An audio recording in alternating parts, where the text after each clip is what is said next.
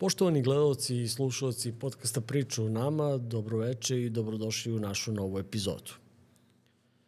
Pre svega želeo bih da vas pozovem da se subscribe-ujete na naš kanal jer nam je to izuzetno bitno zbog YouTube algoritma, a statistike pokazuju da čak 80% onih koji gledaju naše videe nisu subscribe-ovani na kanal, tako da vas još jednom molim, subscribe-ujte se, komentarišite i podelite video sa naše kanala. Naš večerašnji gost je lekar iz Zaječara, koji je trenutno na specijalizaciji na Vojno-medicinskoj akademiji u Beogradu, a hobi su mu satovi. Miloš Đokić, lekar iz Zaječara, sa nama za 10 sekundi.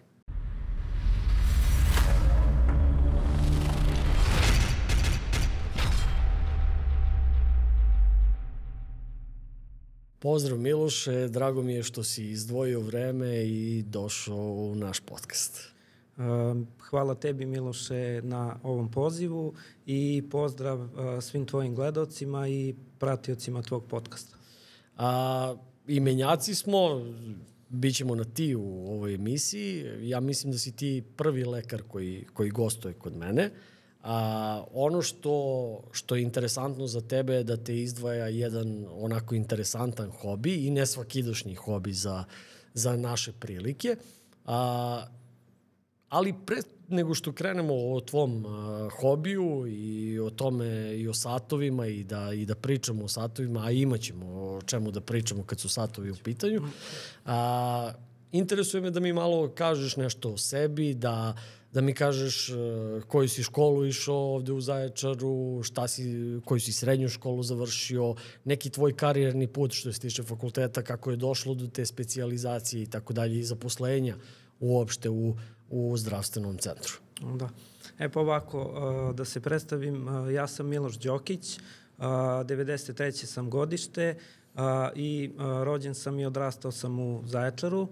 Uh, osnovnu školu sam završio ovde, to je bila škola Đura Jakšić. Uh, ovaj, nakon toga uh, upisao sam srednju medicinsku školu u Zaječaru. Uh, opšti smer uh, je bio... Zašto pitan. medicinsku školu? Uh, Pa iskreno ne znam, niko u porodici nije imao nikakve veze s medicinom, da kažem ja sam prvi koji je koji se odlučio za taj put. Bilo mi je to interesantno, pre svega Prvo sam hteo da, da to bude, da se bavim veterinom, ali nekako ovaj, sam onda odlučio da to ipak budu ljudi, da je humanije zanimanje, sa ljudima uvek naravno možeš da porazgovaraš, da ih saslušaš, da ih posavetuješ, što sa životinjama nije slučaj, jel te? A kako je bilo za, za medicinsku školu kažu da je, da je izuzetno zahtevna škola, jer vi u principu a, ste prepodne na, na praksi, Jeste. popodne ste, popodne ste u školi. A, kako je izgledalo to? A, pa bilo je naporno, ovaj, nije da nije. A, to jeste istina, znači a, kao i svaka druga stručna, srednja stručna škola, a, a, postoje znači obavezne obavezni časovi ovaj u toku prepodneva, a u toku posle podneva ovaj smo imali a, praktične vežbe u ovaj bolnici u Zaječaru. A, to jeste bilo, da kažemo, do nekle teško i zahtevno, ali mislim kao i svakom drugom mladom čoveku u tim godinama, a, to je nešto što se brzo prebrodi i onako kada to krene, onda ide nekim svojim tokom.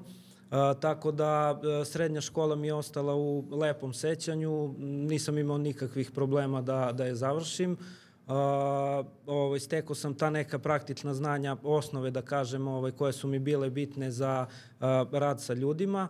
Uh, I onda kada uh, je došla uh, četvrta godina i matura, uh, već negde pre toga ovaj, ja sam odlučio da želim da nastavim u tom nekom smeru uh, i da studiram medicinu. Ovaj, Kako si džak bio? A, bio sam odličan džak, ovaj, nikad nisam imao problema tokom školovanja što se toga tiče, uvek sam bio vredan, učio sam tako da stvarno nisam nikad imao problema. Uh, ovaj, tako da i prijemni ispit za fakultet sam ovaj, sam spremio, nisam is, i, išao na nikakva privatna spremanja, ovaj, tome slično.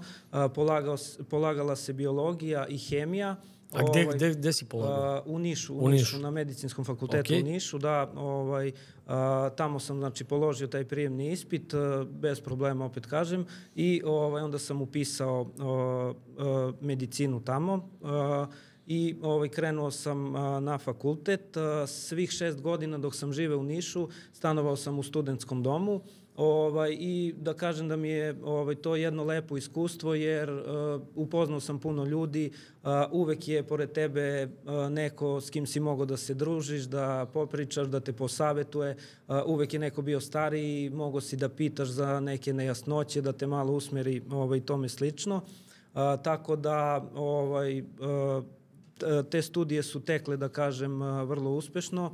Uh, jeste bilo naporno, obimni su predmeti, pogotovo u prvoj godini je ta anatomija ovaj, koja je stvarno ono najveći ispit na, na, u toku celog školovanja.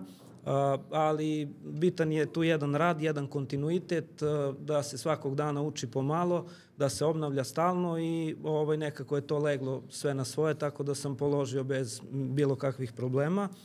Dobro, svaki, svaki fakultet u suštini u prvoj godini ima Jest. neki selekcioni predmet, Jeste, odnosno, odnosno predmet gde, gde oni koji nisu uporni odustaju od fakulteta. Da, tako. A, vam, vama je to verovatno bila anatomija, a ovo što si sad rekao, recimo moj kum koji, koji je završio prava, on je, on je imao taj neki a, stil rada gde on, meni, meni je bilo fascinantno da on šta god da se dešava, koliko god ljudi da je kod njega u stanu, on ima dva sata koje je opredelio za učenje tog dana i on će ta dva sata da odradi i tako iz dana u dan i on je stvarno bez, bez problema i bez nekog što se kaže preteranog cimanja završio završio fakultet onako u roku, a mi neki drugi koji smo bili kampanjci smo onako malo, malo duže studirali, što se kaže. Da.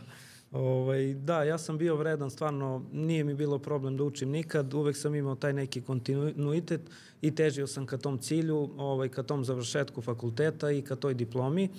Uh, tako da uh, fakultet sam završio u roku, znači to je bio period od 2012. do 2018. godine. Uh, ovaj, svih šest godina, kao što sam rekao, bio sam u studentskom domu i imao sam državnu stipendiju. Uh, tako da uh, na kraju kad, kad uh, se sve ono sabere i podvuče crta, uh, znači 2018. sam diplomirao na medicinskom fakultetu u Nišu sa prosečnom ocenom 960. Uh, ovaj, nakon toga uh, ono što je uh, usledilo jeste bio uh, povratak u uh, moj rodni grad, znači u Zaječar, uh, gde sam trebao da odradim staž u trajanju od šest meseci ovaj, u Zaječarskoj bolnici. Ovaj, to sam a, odradio. Imao sam neka obavezna odeljenja gde sam morao da kružim, to je bilo interno odeljenje, hirurgija a, i dečje odeljenje i a, služba opšte medicine. A, ovaj, da kažem da sam se ja pored svega toga dodatno angažovao pa sam da kažem u slobodno vreme odlazio u urgentni centar a, gde je opet najveći da kažemo a, priliv ljudi, pacijenata i svega toga i želeo sam da nešto dodatno naučim i da se osposobim za samostalan rad. A, tako da ovaj, tih šest meseci mi je stvarno brzo prošlo a, i onda je došao na red a, ovaj, a, taj državni ispit a, koje svako u obavezi ovaj, da polaže. A, to sam polagao u a, Ministarstvu zdravlja u Beogradu, a, to sam a, isto završio uspešno a, i onda je usledio period kad sam ja trebao da se zaposlim Ovaj, to se dešava, znači, taj ispit sam položio u ovaj, aprilu a, 2019. godine a, i ovaj, imao sam znači, taj papir da sam položio i da sam, da kažem, sposoban za samostalan rad. A, I ovaj, već u maju mesecu a, u Zaječarskoj bolnici se raspisuje prvi konkurs a, gde se traži a, lekar medicine za rad na ovaj, grudnom odeljenju. Uh -huh. a, ja sam, Ali ne traži se specializacija. Uh, ne, ne, ne, samo znači ono kao to se okay. zove sekundarac za rad na odeljenju da da pomaže starijim kolegama. A, ovaj, ja sakupljam svu potrebnu dokumentaciju i konkurišem ovaj, na taj konkurs. A, međutim, a, nisam bio ja primljen, a, već jedna starija doktorka ja sam u tom trenutku imao 25 godina, ona je bila praktično pred penziju, oko 60 je imala, Ovaj, I iskren da budem, ja sam se tada razočarao prilično. Pa ja sam se šalio dok smo, dok smo spremali emisiju, kad, kad sam ti rekao, rekao sam imao za tebe vremena, šta, 25 Ta, tako godina. Tako su i oni isto rekli, tako su i oni svi rekli. E, ali bio si prekvalifikovan, znaš, 9,6. Ko će da primi neko ko je 9,6? Ajde, znaš, mislim, mnogo si učio. To su mi često pričali, preučio si.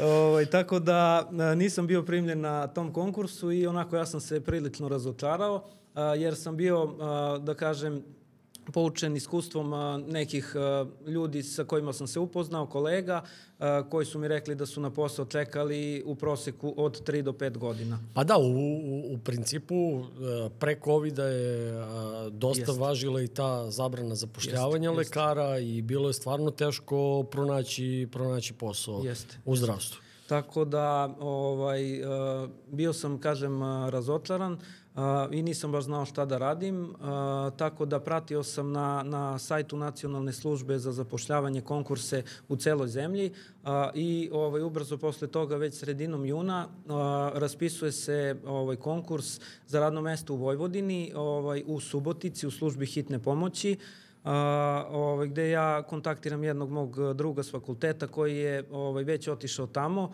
pitan ga kako ti je, šta je tamo i tako, Uh, on mi je ukratko rekao da mu je ok, uh, ono, rekao mi je šta je od dokumenta potrebno i ja se odlučim da pošaljem papire, uh, jer nisam hteo ovde da čekam i iako su mi svi rekli ma zaposlit ćeš se do kraja godine sigurno, budi malo strpljiv i to, ovaj, nisam hteo da čekam, uh, sakupim papire, pošaljem. Znači, živeo si uh, i odrastao u Zaječaru, Posle toga studirao u Nišu Tako je. i mrtav vladan si rešio da, da prvi posao potražiš u Subotici na krajnjem tako, severu zemlje. Tako je, tako je. Ovaj, uh, iskren da budem, uh, tada u 25 godina možda sam razmišljao malo tako ishitreno, uh, nisam, nisam bio možda dovoljno strpljiv. A ko, koliko je imalo veze s tim što, što si bio revoltiran zbog toga što nisi primio i onda si... Uh, Pa imalo je i to uticaj, nije da nije iskreno, ovaj, zato što dok sam bio na tom stažu, apsolutno, ono, svi su me tapšali po ramenu, videli su ti si pametan, ti si snalažljiv, umeš jako brzo neke Možeš odluke. Možeš ti to i sam, a?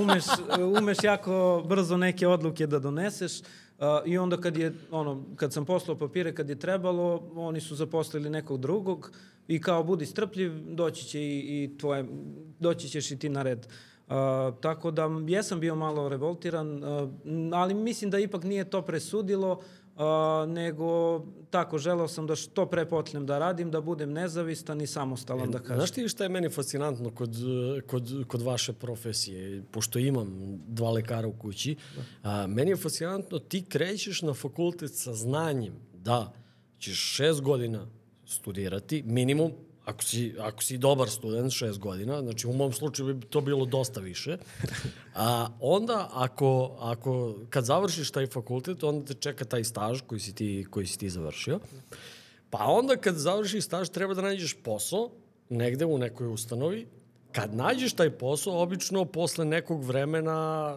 ta ustanova neka raspiše specializaciju, sem ako ne, ne plaćaš sam specializaciju, I onda na tu specializaciju treba da ideš još četiri godine, svom pravo. Minimum četiri. četiri. Godine. Minimum četiri. I ti si, što se kaže, lekar specijalista, u, ako računamo neki minimum posle 12 godina od uh, početka studija. Da. Znači, a, ako si krenuo na studije sa 18, u 30 godina si tek lekar specijalista. Da. To je, ako si sve po PS-u, znači završio. To, to je meni fascinantno. A, e, znaš, ja, ja kad su meni e, pitali da li, kad, kad sam bio srednje škole i da li ću možda da krenem putem svojih roditelja, ja sam znao da nema šanse 10-12 godina da učim da bi, da, da bi postao jeste, lekar specijalista. Jeste, jeste. Ovaj, jeste, mislim, zahtevno je, kao što si rekao, sa minimum 30 a, ali to obično bude dosta kasnije, jer znam dosta ljudi koji tek sa 34, 5, 6 godina da, da. krenu da. na specializaciju. Zato što se oduži tako, ovaj tako put prijema. Jest, na, na... Jest. Tako da, bukvalno, ono, specijalista postane neko sa 40 godina, bukvalno. Da kažem da sam ja opet to sve nekako na vreme uh, je kod mene došlo, tako da ovaj, ja sam sad već na trećoj godini specijalizacije i uh, već sa 32 ovaj, ja ću biti lekar do, specijalista. Doći ćemo do, i, i do specijalizacije i kako si dobio specijalizaciju okay. i, i kako si se vratio. A, moram da te pitam, znaš, prvi, prvi si lekar koji, koji gostuje kod mene, ja se malo plašim za nas, za nas koji, koji nismo lekari. Uh, iskreno, kad mi, kad mi neko kaže taj proces specijalizacije i sve to, ja ono što vidim i što znam da je, da je dosta starih lekara koji su pred penzijom, da je vrlo, da je dosta manje vas koji ste na specijalizaciji. Znači, imati nas ko da leče sutra dan? Uh, pa biće Aha, potrebno biće teško, još, biće, biće potrebno gusto. još definitivno.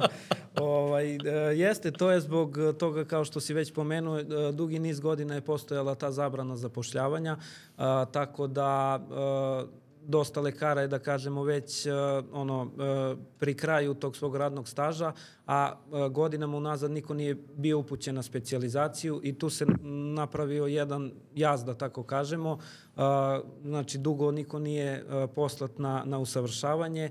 Uh, uh, stari lekari odlaze u penziju, tako da uh, kod nas konkretno ima dosta odeljenja uh, u bolnici koja su ostala sa jednim ili dvoje lekara. Da, da, Tako da ja znam neka koje, koje su sa po jednim tako ili... Je, tako je.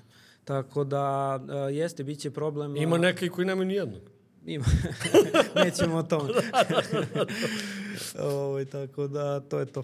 Dobro. A, konkurisao si za Suboticu i da. bivaš primljen tamo. A, bivam primljen, a, znači posle dve nedelje mi stiže poziv, a, kažu mi da sam a, a, izabran na tom konkursu i pitaju me za koje vreme bih ja mogao da, da, da se preselim i da počnem da radim. A, ja sam rekao za nekih otprilike dve nedelje mogu, a, tako da ovaj, našao sam preko oglasa stan, a, i ovaj, početkom jula 2019. Ovaj, se selim za Suboticu uh, gde nikog nisam znao. Ovaj. E sad, to ti, ti tamo plaćaš stan. Tako je. Uh, plata, posebno lekara koji nije specijalista i nije nešto preterano, da. preterano velika. U principu, kad, kad se svedu troškovi koje imaš, ti si ono bio... Nuli. pa, to je to. Ali dobro, rešio si to da kreneš? Uh, res, rešio sam to. Ovaj, Gde si krenuo da radiš? Uh, počeo sam da radim u hitnoj pomoći u Subotici uh, i mogu da kažem da mi je tamo stvarno bilo super, uh, jer je uh, većina uh, lekara koja, koji su radili tamo bili uh, mlađi ljudi uh, do 30 godina, tako da imao sam, ovaj, da kažem, uh, ljude koji su mogli da me posavetuju šta i kako, ko je od starih kolega kakav, od koga da se čuvam po znacima navoda, od koga da usvajam znanje, ko je kakav za saradnju i to. A, tako da ovaj, tamo mi je stvarno bilo super, a, upoznao sam jako kvalitetne i dobre ljude s kojima sam i dan danas u kontaktu, čujemo se preko društvenih mreža i ovaj, sad kad pogledam unazad, a, ovaj, mislim da apsolutno nisam pogrešio kad sam ovaj, to uradio, mislim da mi je to bio jedan, jedan samo korak napred i jedno iskustvo više. A Što, što se tiče naše, pošto sad uh, si tu, što se kaže kao kec na deset došao sa, sa, sa pričom o, o hitnoj pomoći, a jedan od mojih prethodnih gostiju je pričao, pošto je on radio kao, kao spasilac je radio u, u Americi i onda mi je rekao da je u Vašingtonu sistem uh, zdravstvenih ustanova tako organizovan da od poziva do intervencije, odnosno do dolaska hitne pomoći, uh, ne sme da prođe više od šest minuta. A, kako je to kod nas? Da li je to tako? Da li ima dovoljno sanitetskih vozila? Da li ima dovoljno ekipa? Šta se dešava u našem zdravstvenom sistemu? kod nas to nije tako. ovaj, I problem je u tome što ovaj, imamo mali broj dostupnih ekipa, a, mali broj dostupnih vozila, a, reon koji hitna pomoć treba da pokrije je enormno veliki. To ide do nekih ne znam sad baš napame da kažem, ali sigurno 60 km. Pa sigurno, ja samo ako pogledam Zaječar, to je... Jeste, sva okolna mesta, sela ovaj, sve to. A, tako da problem je znači a, pre svega manjak a, kadra i manjak sanitetskih vozila. A, Koliko ovaj... uopšte, evo, evo recimo, pošto si radio u hitnoj, u mislim, obilazio si hitnoj u Zaječaru, a, i hitnu suboticu. Koliko ima ekipa? A, koliko, koliko vozila ima po smeni, recimo, naša hitna pomoć? A, naša hitna pomoć ima a, dva vozila po smeni, a, s tim da a, jedna ekipa je, a, jedno vozilo ovaj, to jest jedna ekipa, znači ekipu čine lekar, uh, sestra i ovaj vozač saniteta. Uh, jedna ekipa je uvek na terenu, a druga ekipa je uh, u službi hitne pomoći i ona tamo znači prima pacijente. Tako da praktično samo jedno vozilo je uvek na terenu. Što, što znači da ako dvoje ljudi se sloša u isto vreme, velika verovatnoća da će tako jedan je. da ostane bez tako ukazane pomoći. Tako je. Jer uh, može da se desi, na primjer, da, da, da je to vozilo i ta ekipa, na primjer, u nekom selu tamo, uh, ne znam, prema Metriš ili tako nešto što je udaljeno nekih 40 km odavde, uh, dok oni odu, dok se vrate, treba minimum sat, sat i po vremena. Tako da to jeste problem uh, manjak ekipa i manjak uh, sanitetskih vozila. E sad, ono što je u mnogome olakšalo rad službi hitne pomoći jeste urgentni centar koji se otvorio, ovaj, ja mislim, pre pet godina uh -huh. ili mhm. šest ne znam tačno. A, ovaj, tako da sada a, svi ti pacijenti koji čekaju dolazak ekipe na teren, a, ukoliko imaju mogućnosti nekog svog ili nekog komšiju, da on preveze. može da ih a, doveze do urgentnog centra gde oni mogu da dobiju pregled i pomoć a, 24 sata, 7 dana u nedelji. Znači urgentni centar a, ovde non stop radi. Kakav je slučaj u Subotici? Ali i Subotici ima urgentni centar? Pa da, ima, ima urgentni centar isto u sklopu bolnice. Ovaj, a, samo što je tamo dosta veći ovaj taj urgentni prijem nego što je ovde kod nas i radi više lekara i više osoblja. Tako da jeste i to je tamo isto tako. Uh, hitna pomoć u Subotici uh, o, ima uh, u, u, u toku jedne, jedne smene ima tri vozila ovaj, i tri ekipe, a, od čega jedna ekipa uvek u, u hitnoj pomoći, a dve ekipe su na znači, terenu. Znači jednu ekipu više. A koliko je Subotica veća od Zaječara? Pa već je dosta, već je, ja mislim da ima sigurno nekih 70-80 hiljada ljudi. Znači tako. skoro duplo veće od Zaječara. Tako je, veća i pokriva isto dosta veliki reon oko, oko same Subotice. Dobro, kakav je život u multietničkoj sredini? Mislim, oni su baš izraženo multietnički. Jes, jesu, ovaj, tamo, ne mogu da kažem baš da preovladava, ali bukvalno je pola-pola, ovaj, mađarsko stanovništvo i, i naši ljudi. Uh, jeste, da kažemo, razlikuje se život, nekako tamo je mnogo, mnogo mirnije, mnogo usporenije, ravnica, nekako jeste baš je onako usporeno. A, I ovaj, ono što sam video i naučio dok sam bio tamo, a, da je u našoj zemlji, od cele zemlje, ovaj, stopa depresije i stopa samobistava je ubedljivo najviša gore u Vojvodini. Baš zbog takvog načina, načina života. Misliš da zato što, što je sve ravno? Jeste, jeste, jeste, jeste. Pa dobro. Ne, ne znam, ja, ja recimo imam kuma koga sam venčao, on je iz, iz Vojvodine, iz Crepaje, mislim nije to sever Vojvodine, on je tu kod Pančeva, ali jeste to, imam jednu anegdotu vezanu kad sam prvi put išao kod njega autom, I onda on meni priča, ideš, pratiš put, kaže, i onda ćeš da naiđeš na jednu veliku krivinu, kaže, pazi se i, i, i nastavljaš onda desno ili levo, nije ni bitno. I ja vozim i vozim i čekam veliku krivinu i čekam veliku krivinu i nisam dočekao veliku krivinu. Ja kažem, Dejane, bre, gde bre ta velika krivina? Pa kaže, kako nisi vidio, znaš? I onda kad je on dolazio posle kod mene u Zaječar, kad je rekao, ja sam mu rekao, jesi vidio šta su krivine? krivine. Mislim, oni ne znaju šta je krivina, mislim, velika da, da krivina da, da, da. kod njih, to je, to je čudo, ali da, a, Rad u hitnoj pomoći je izuzetno stresan posao. Mm, jeste, jeste. Kako, kako, se, kako se ti nosiš? Očigledno nemaš problem sa, uh, sa, sa stresom i nisi paničar nisam, či, čim si volao da, da, da radiš u hitnoj. Da. Sa čim se sve suočavaju ljudi u, u hitnoj pomoći? Pa generalno ovaj, jeste stresan posao, pogotovo ovaj, su stresni ti takozvani javni pozivi, znači izlazak na, na javno mesto, neki park, neki centar grada, tako neka javna površina, gde je uvek ovaj, dosta ljudi sa strane koji to gledaju, koji, mislim, nisu naviknuti na takve scene, često umeju da paniče, da budu neprijatni, ponekad i agresivni, tako da u suštini jeste ovaj, zahtevno,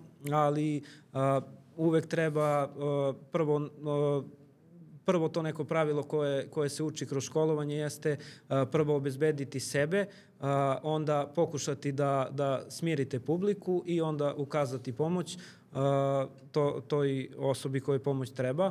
A, posao jeste ovaj, stresan, a, zahtevan, a, izuzetno puno poziva a, za izlazak na teren ima, iako nije svaki poziv, a, da kažemo, opravdan, a, ali jednostavno ljudi to ne umeju sami da procene i ne umeju da razlikuju šta je nešto hitno stanje od nečega što nije hitno i što može da sačeka.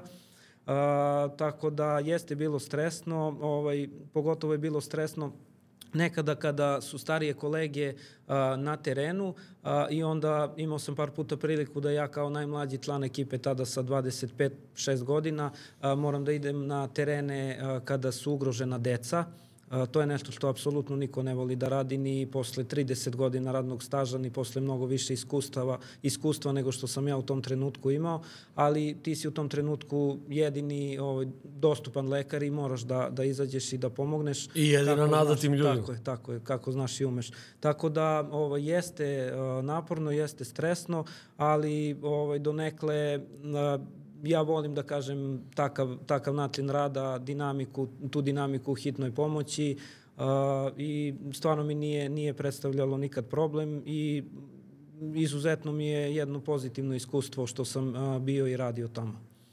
Verujem da je, da je osjećaj kada, kada spasite nečiji život neprocenjiv, a verujem i da su teške noći kada vam neki pacijent ne, ne, ne, ne preživi. A, Koliko smo mi uh, kao, kao ljudi, ja, ja sam često uh, dolazio u situaciju da vidim da, da recimo čovek padne na, na sred ulice i da, i da ljudi uh, jednostavno ne, ne reaguju na, na te stvari. Da. Uh, malo pre si rekao da, da, da, da je se neretko dešavalo da ljudi uh, preteruju kad, kad, kad pozovu hitno. I što ja razumem, strah ljudi, oni nisu stručni, ne mogu da procene nikako da, da li je to hitno ili nije hitno. Za njih je sve što je, što je vezano za, za medicinu hitno.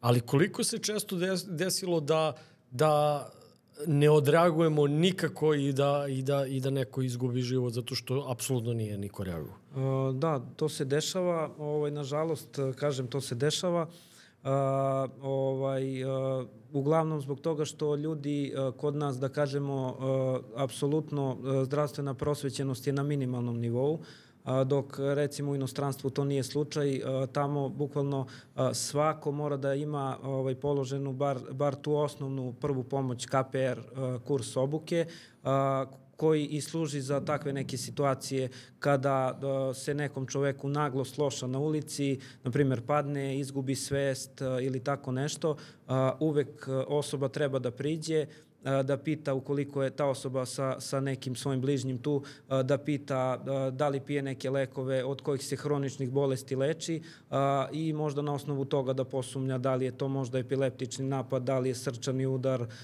da li je asmatični napad i tome slično i u skladu sa tim da reaguje. Da li je neko malo više popio i to se dešava? I to se dešava, tako je i vrlo često ljudi ono kada vide nekog u alkoholistanom stanju, kao što si rekao, okreću glavu, ma on je pijan, pusti ga tamo. Uh, on možda jeste pijan, ali isto tako možda u tom trenutku ima srčani udar, na primer. Jeste, uh, ili možda u tom trenutku u tom padu udari glavu. Tako, Mislim, tako, to je... tako je. Tako da ovaj, to jeste kod nas problem, ta zdravstvena neprosvećenost jeste veliki problem kod nas.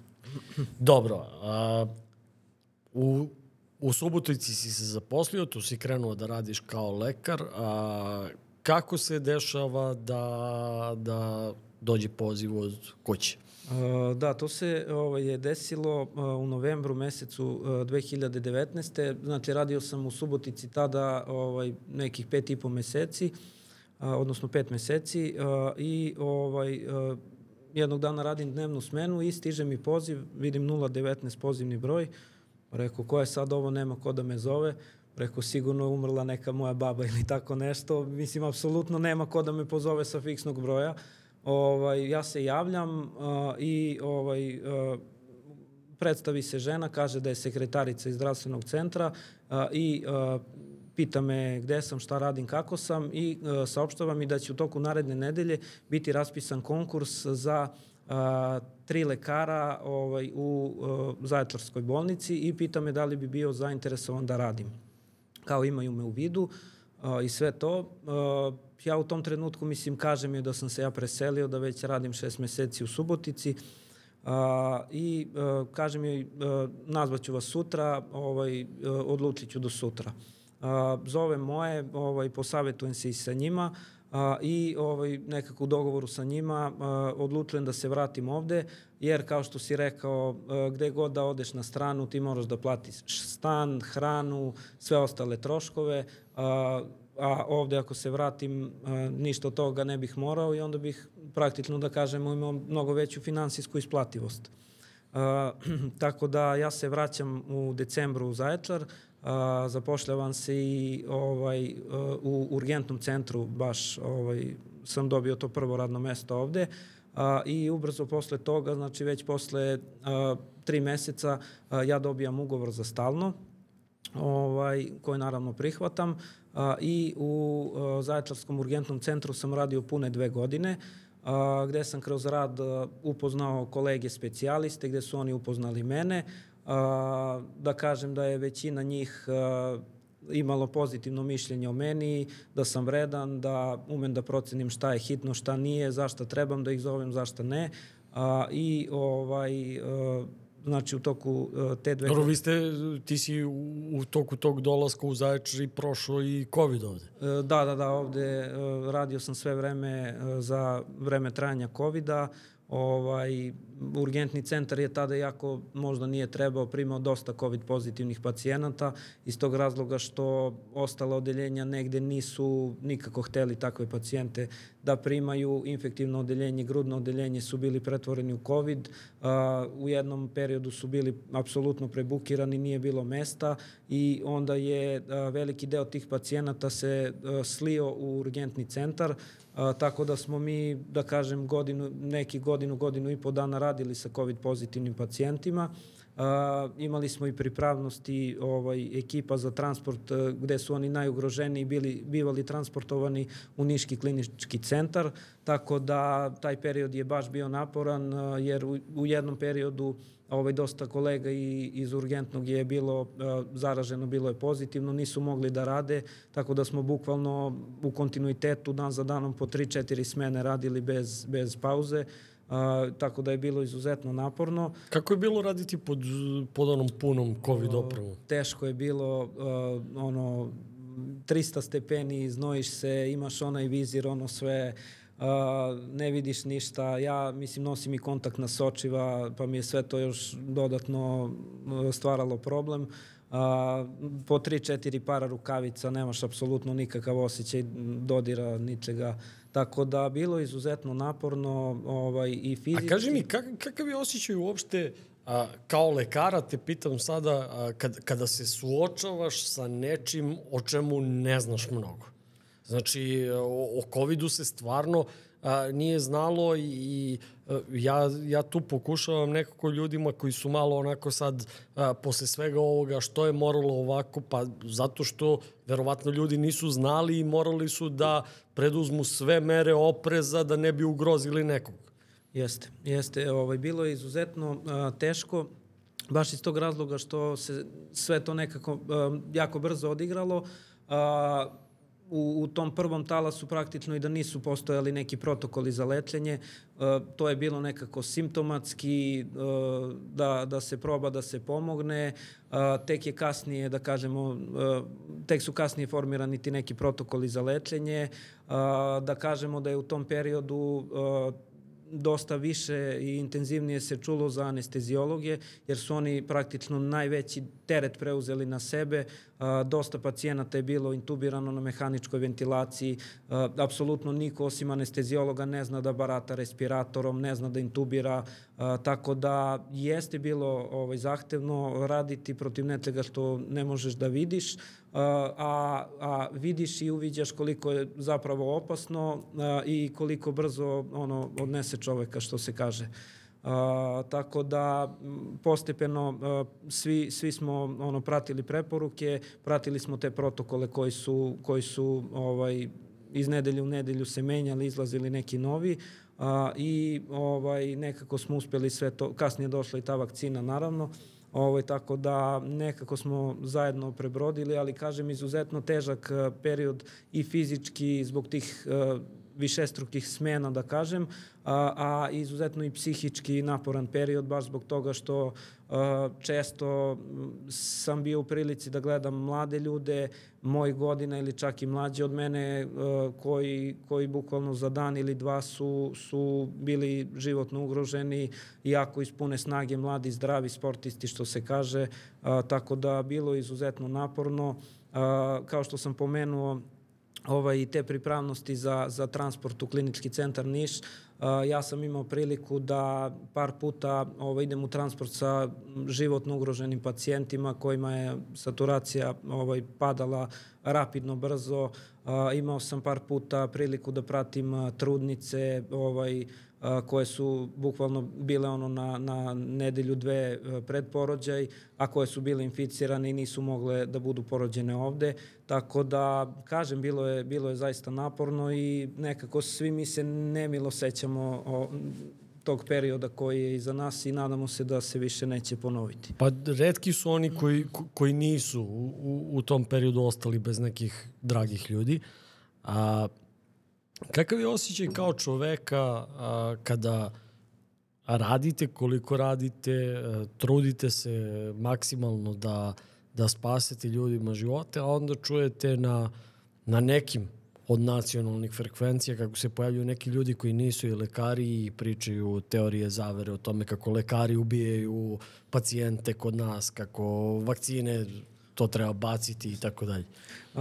Pa jeste, mislim, to je vrlo često bio slučaj tokom covid i svakako da nerado se svi sećamo toga, a, zato što ja lično smatram, a i većina mojih kolega, da ne može neko ko nema dodira sa medicinom, ko nije završio ni srednju medicinsku školu, a kamoli fakultet, da on onda dođe na televiziju i da priča o epidemiologiji, o vakcinama, o imunologiji, ovaj, o bilo čemu što ima veze s medicinom, a često je bio slučaj za, za vreme te pandemije a, i da, da, da priča i da stvar bude još gora, a, zbog ove zdravstvene neprosvećenosti koju sam malo prepomenuo, jako veliki broj ljudi je počeo da veruje u te neke teorije zavere i, i sve to.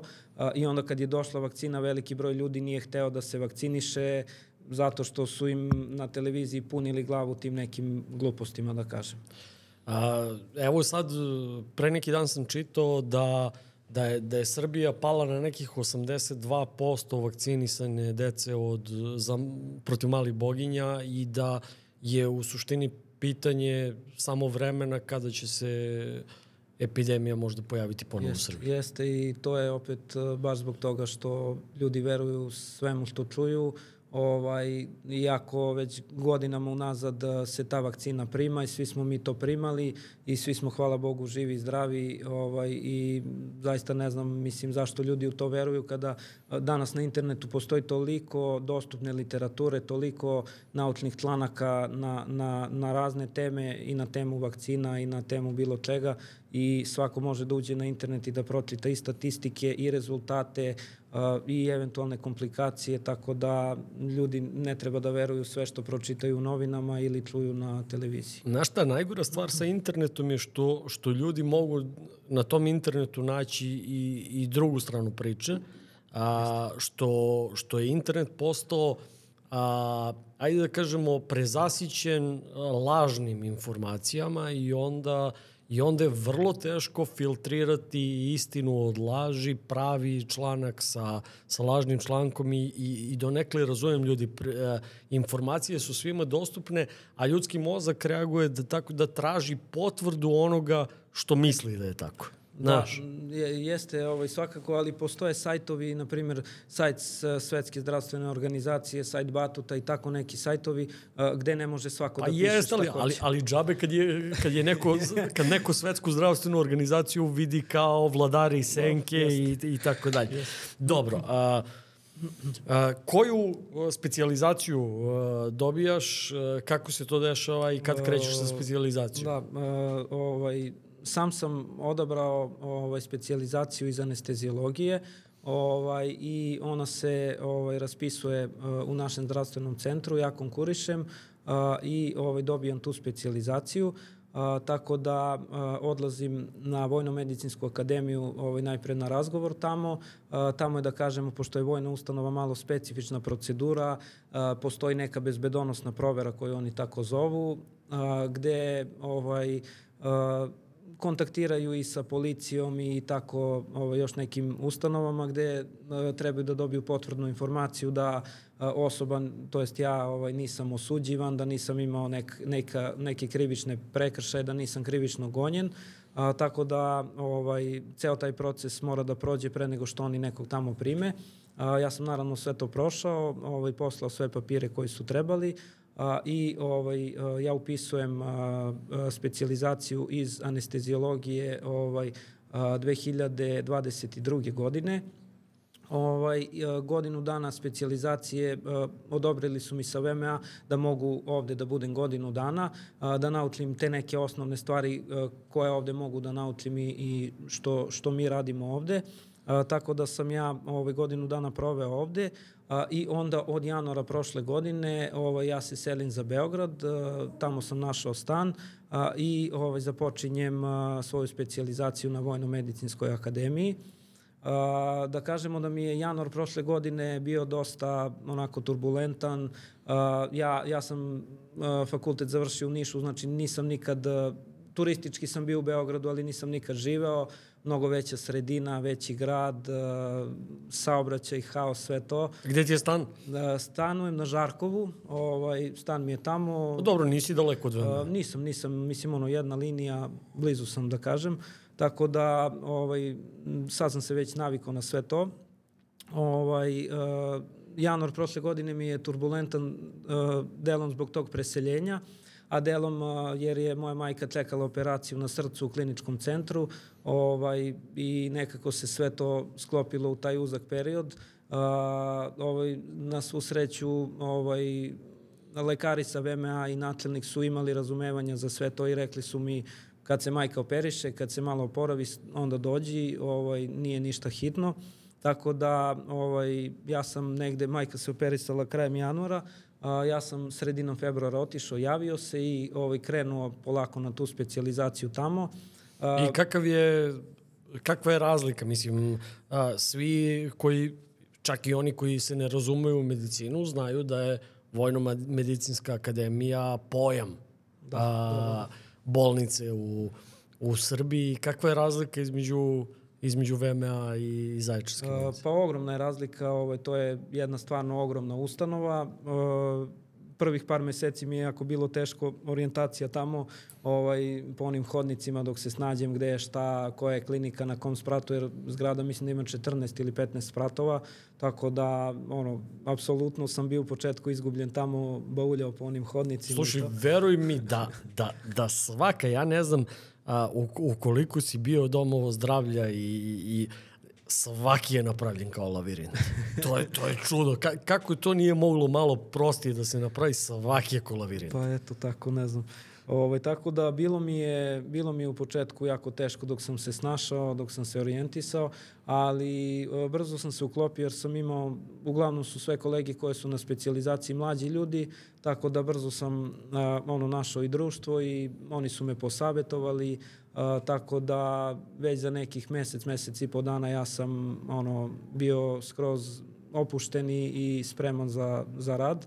Tako da umeđu vremenu ovaj, počeo sam da imam i ta dežurstva, 5 do 6 dežurstva mesečno, ovaj, što je dosta naporno, ali to je taj neki proces eh, koji svako mora da prođe i na kraju krajeva tako i, i učimo i sa, sazrevamo, da kažem. Tako da ovaj, sada u februaru će mi krenuti ta treća godina a, i ovaj, Bože zdravlja u januaru 26. Znači, e, bit ću pred polaganjem tog specijalističkog ispita, nakon koga bih trebao da, da postanem specijalista. I da se vratiš u Zaječar. Tako je. Tako. Dobro, dobro. Znači, nećemo da imamo jednog lekara manje, nego jednog više. Nadam se da neće. dobro. A, ono što, ajde sad da, a, da skratimo tu temu o, o zdravstvu, jer primarno nismo se dogovorili da mnogo pričamo o tome, ali eto, desilo se, otišli smo malo pa smo i, i te neke stvari pro, prokomentarisali. A, baviš se jednim interesantnim hobijem, a, interesantnim pre svega uh, muški hobi, ajde da kažem pretežno muški hobi. A, ono što, što je interesantno je da zemlja, naša zemlja kao takva, odnosno naša platežna sposobnost nam i ne dozvoljava da mnogim ljudima to što je tebi hobi bude hobi. A baviš se satovima, kako je došlo do tvoje e, ljubavi prema satovima, kako, kako si uopšte time krenuo da se, da se ozbiljnije baviš? Pa da kažem da je do, do tog interesovanja i do te ljubavi došlo ovaj, negde u periodu fakulteta, kada sam ja počeo da, da pratim neke uh, YouTube kanale, ovaj, neke uh, internet portale ovaj, tome slično, gde sam se zainteresovao da, da počnem da čitam o satovima, o njihovim mehanizmima, o istorijatu brendova ovaj, tome slično. I to mi je nekako ono, postalo interesantno, vuklo me da čitam danas malo o ovom brendu, sutra onom, to nekako se jedno na drugo nadovezivalo. Uh, i ovaj, sad je to već neki period od 10-11 godina unazad kako ja ovaj, pratim novitete u svetu satova, kako čitam o njima uh, i to je ono što sam zavoleo i bukvalno mislim da u toku godine ne prođe jedan dan da ja bar jedan članak o nekom satu ne pročitam ili ne pogledam neki video na YouTube-u. E sad ti, a, pored toga što čitaš i što a, gledaš a, emisije na YouTube-u vezane za, za satove, ti a, i pišeš da. za, za jedan domaći sajt. Da. A kako je došlo do, do tvoje saradnje sa, sa Strahinjom, je tako? tako je, I, tako je. I to je počelo kao Instagram stranica Jeste, Sat na ruci, sad, sad je to i, ima i YouTube kanal i, i sajt. Kako je došlo uopšte do povezivanja vas dvojice i da. kako, kako si se ti našao u, uh, pa u toj da kažem da, da je spletom srećnih okolnosti nekako došlo do te saradnje. Uh, ovaj, ta uh, najpre osnovan YouTube kanal Sat na ruci, ovaj, ubrzo posle toga i internet stranica i to se dešava u periodu covid znači neke 2020. godine, gde sam ja iz tog svog nekog interesovanja počeo da pratim i YouTube i tu Instagram stranicu. Iz tog razloga baš kao što sam rekao, do tada sam ja pratio uglavnom sve strane ovaj, youtubere i sve strane portale, jer apsolutno niko kod nas se nije bavio temom satova, na taj način, da kažem, toliko ozbiljno. Ovo, ja počinjem da pratim Strahinju i, i tu stranicu Sat na ruci, Uh, ono, povremeno uh, prokomentarišem neku objavu, lajkujem objavu i tome slično, uh, da bih Uh, znači, prošle godine kada sam otišao u Beograd, uh, pratio sam još jednu ovaj, radnju na Instagramu koja se zove Belgrade Vintage Watches uh -huh. i koja je radnja specializovana za prodaju polovnih luksuznih satova, znači, to su satovi uh, najpoznatijih brendova tipa Rolex, Patek Philip, Omega uh, i tome slično, ovaj, uh, gde su dostupni odmah za kupovinu u kešu bez bilo kakve liste čekanja ili bilo toga. Uh, I ovaj, iz te neke svoje znatiželje ja odlazim u tu radnju ovaj, da, da vidim, da... da I sad mor, moram da te, da, da te prekinem. Uh, a, šta to znači, pošto ovu emisiju će gledati oni koji nemaju veze sa, sa satovima. Šta to znači bez liste čekanja? Šta znači liste čekanja? Da. Uh, liste čekanja ovaj, uh, jesu u stvari neke liste koje postoje za te luksuznije brendove satova, a, gde a, ti ne možeš, na primjer, da uđeš bilo gde u svetu, ne možeš da uđeš u Rolexov butik a, i da kažeš, a, evo ja imam ovoliku količinu para, evo vama novac, uh, dajte mi ovaj sat da iznesem iz radnje. Znači nema ono dajte mi jedan kompjuter. Uh, nema, nema toga, znači uh, to nigde u svetu ne može. Ovaj, uh, politika tih luksuznih brendova je takva da ti možeš tamo da uđeš, da se lepo predstaviš ko si, šta si i uh, da kažeš interesuje me taj model sata a, oni ako ga imaju dostupnog u radnji, mogu da ti daju da, da pogledaš, da probaš, da fotkaš a, i onda postoji a, ta lista čekanja na koju, a, ukoliko želiš da kupiš sat, a, ti moraš da se upis, upišeš na listu čekanja, uh -huh. a, popuniš svoje podatke, ime, prezime, matični broj, zanimanje, godine starosti i tako još neki podaci i a, oni to zavedu u svoju kartoteku, overe pečatom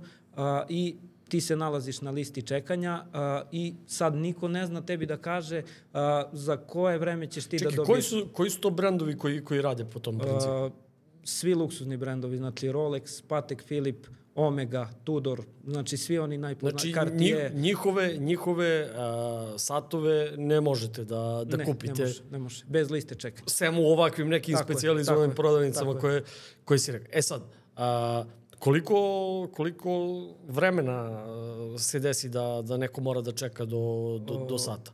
To zavisi uh, od modela, uh, traženog Dobro. modela.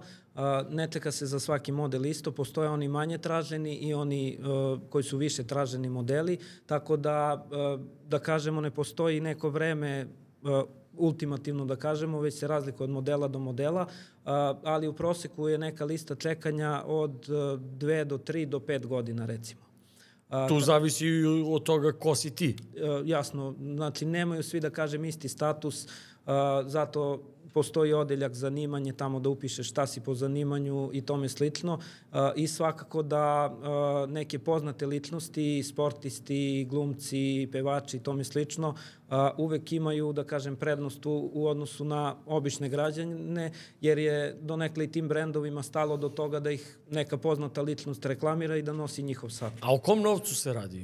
Kad, kad, kad, kažemo, kad kažemo da su to luksuzni brendovi, da. a, koji su najjeftiniji njihovi satovi, koji su najskuplji njihovi satovi? Konkretno, ako pričamo o Rolexu, na primjer, Dobro. njihov najjeftiniji model je od nekih 5,5-6 hiljada evra, pa ide naviše do preko 100 hiljada evra. Nov? Nov, u radnji. E, a, interesantno si mi stvar rekao dok smo spremali emisiju da, a, da su ti satovi a, koje kupujete bez liste čekanja, odnosno neko prodaje sat i, i bez liste čekanja, da da nisu kao polovna roba jeftini od, da, da, o, od novih satova, nego su skuplji. Tako, Zašto je to tako? Pa upravo zbog te liste čekanja, jer neko ko ima mnogo novca, a neće da čeka u radnji da mu, da mu oni obezbede sat, neće da čeka dve ili tri godine, a, on dođe i kaže, evo tebi ako taj sat, na primjer, košta 5000 evra, evo tebi 10.000 evra, daj mi odmah ovaj sat, ja hoću danas da ga nosim, a, on uzme sat, ti dobiješ duplo više novca nego, nego što si platio taj sat a, i ovaj, to je, to je da kažem, to neko tržište polovnih luksuznih satova tako funkcioniše. Ali može da se desi da, da recimo ako si, ako si kriminalac, ako je novac koji imaš prljav, da da te nikad ni ne pozovu sa liste čekanja za sat? A, može, može ovaj, a, i to se dešava a, i na primjer ono što sam ja, da kažem, do sada video i naučio, da konkretno kod Rolexa oni izuzetno cene ljude teško je ući, da kažem, na tu listu čekanja, a, da se ti upišeš i onda, na primjer, pozovu te, ti dobiješ taj svoj prvi sat i odmah se upišeš, hoćeš neki naredni da kupiš. A, oni jako cene a, da kad te naredni put pozovu, da ti dođeš, da oni vide da ti dalje nosiš taj, taj sat koji si kupio, a da ga nisi prodao. Uh, to je ono što oni zaista cene, da vide da neko kupuje uh, njihov sat i njihov brend zato što voli, zato što poštuje, a ne zato što želi da, da na tome zaradi ovaj, da ga preproda. E sad, da li je istina, mit, ja nisam imao priliku da, da se su, susretnem s tim, da za te luksuzne e, modele, bukvalno da, da ti modeli imaju neku karticu koja je kao pasoš za, Jeste. za prelazak granice. Jeste. Ovaj, kada se kupi nov sat u radnji, ovaj, ti uz kutiju ovaj, dobiješ uputstvo za upotrebu, a, garanciju i dobiješ ovaj, tu karticu gde oni upišu a, upišu serijski broj modela i taj isti serijski broj koji se nalazi na kartici, on je na brojčaniku sata izgraviran, odnosno na ovom unutrašnjem prstenu sata. Znači, taj broj mora da se poklapa sa brojem na kartici a, i a, ukoliko a, se putuje u neke strane zemlje, a, ti moraš da imaš tu karticu sa sobom kako ti carinici na granici ne bi pravili problem ovaj, prilikom a, prenosa sata na, na granici. Znači, to je tačna priča. Tako je, tako je. Što znači da, da, da neko ako nosi fake Rolex može da ima problema na granici. Može da ima ovaj, i uh, iskren da budem, ne znam kako to baš funkcioniše. Uh, evidentno da carinici, mislim, ne, ne mogu oni da budu toliko edukovani da prepoznaju šta je fake, šta nije, ali verujem da imaju komunikaciju sa nekim stručnim licem koje se time bavi, A, tako da prilikom, a, na primjer, oduzimanja tih luksuznih satova na granici kod ljudi koji hoćeju da prošvercuju to, a, kad se ti satovi oduzmu, a, ti satovi moraju da idu kod neko stručno lice da ono proceni ovaj, Vrednost. vrednost sata, da li je original ili, ili nije. Znači, u principu nešto slično kao i za umetničko delo. Tako je, tako je. E, a, vraćamo se u Beograd, vraćamo se, vraćamo se u prodavnicu, odlaziš u, u da. prodavnicu tih luksuznih satova da. i šta se tamo dešava? A, tamo se dešava da ovaj, ja kad sam ušao u radnju a, a, vidim a, moma koja je tamo radio a, je bio Strahinja a, o kome smo malo prepričali koja je pokrenuo ovaj, taj portal i YouTube kanal i Instagram stranicu Sat na ruci gde a, ono, ja, ja se njemu javljam a, on me onako pogleda, kaže, Miloše, si to ti? Ja kažem, ja sam i mislim, prepoznam jer sam često komentari sa objave, lajkovao i to. A, I ti si, ja sam, ja sam Strahinja, rekao, znam, a, tu se upoznajemo, ovaj, fotkamo se tamo, ono, porazgovaram sa njim, a, kroz neku priču sa mnom on, on shvata koliko ja zapravo znam i koliko volim satove i sve to.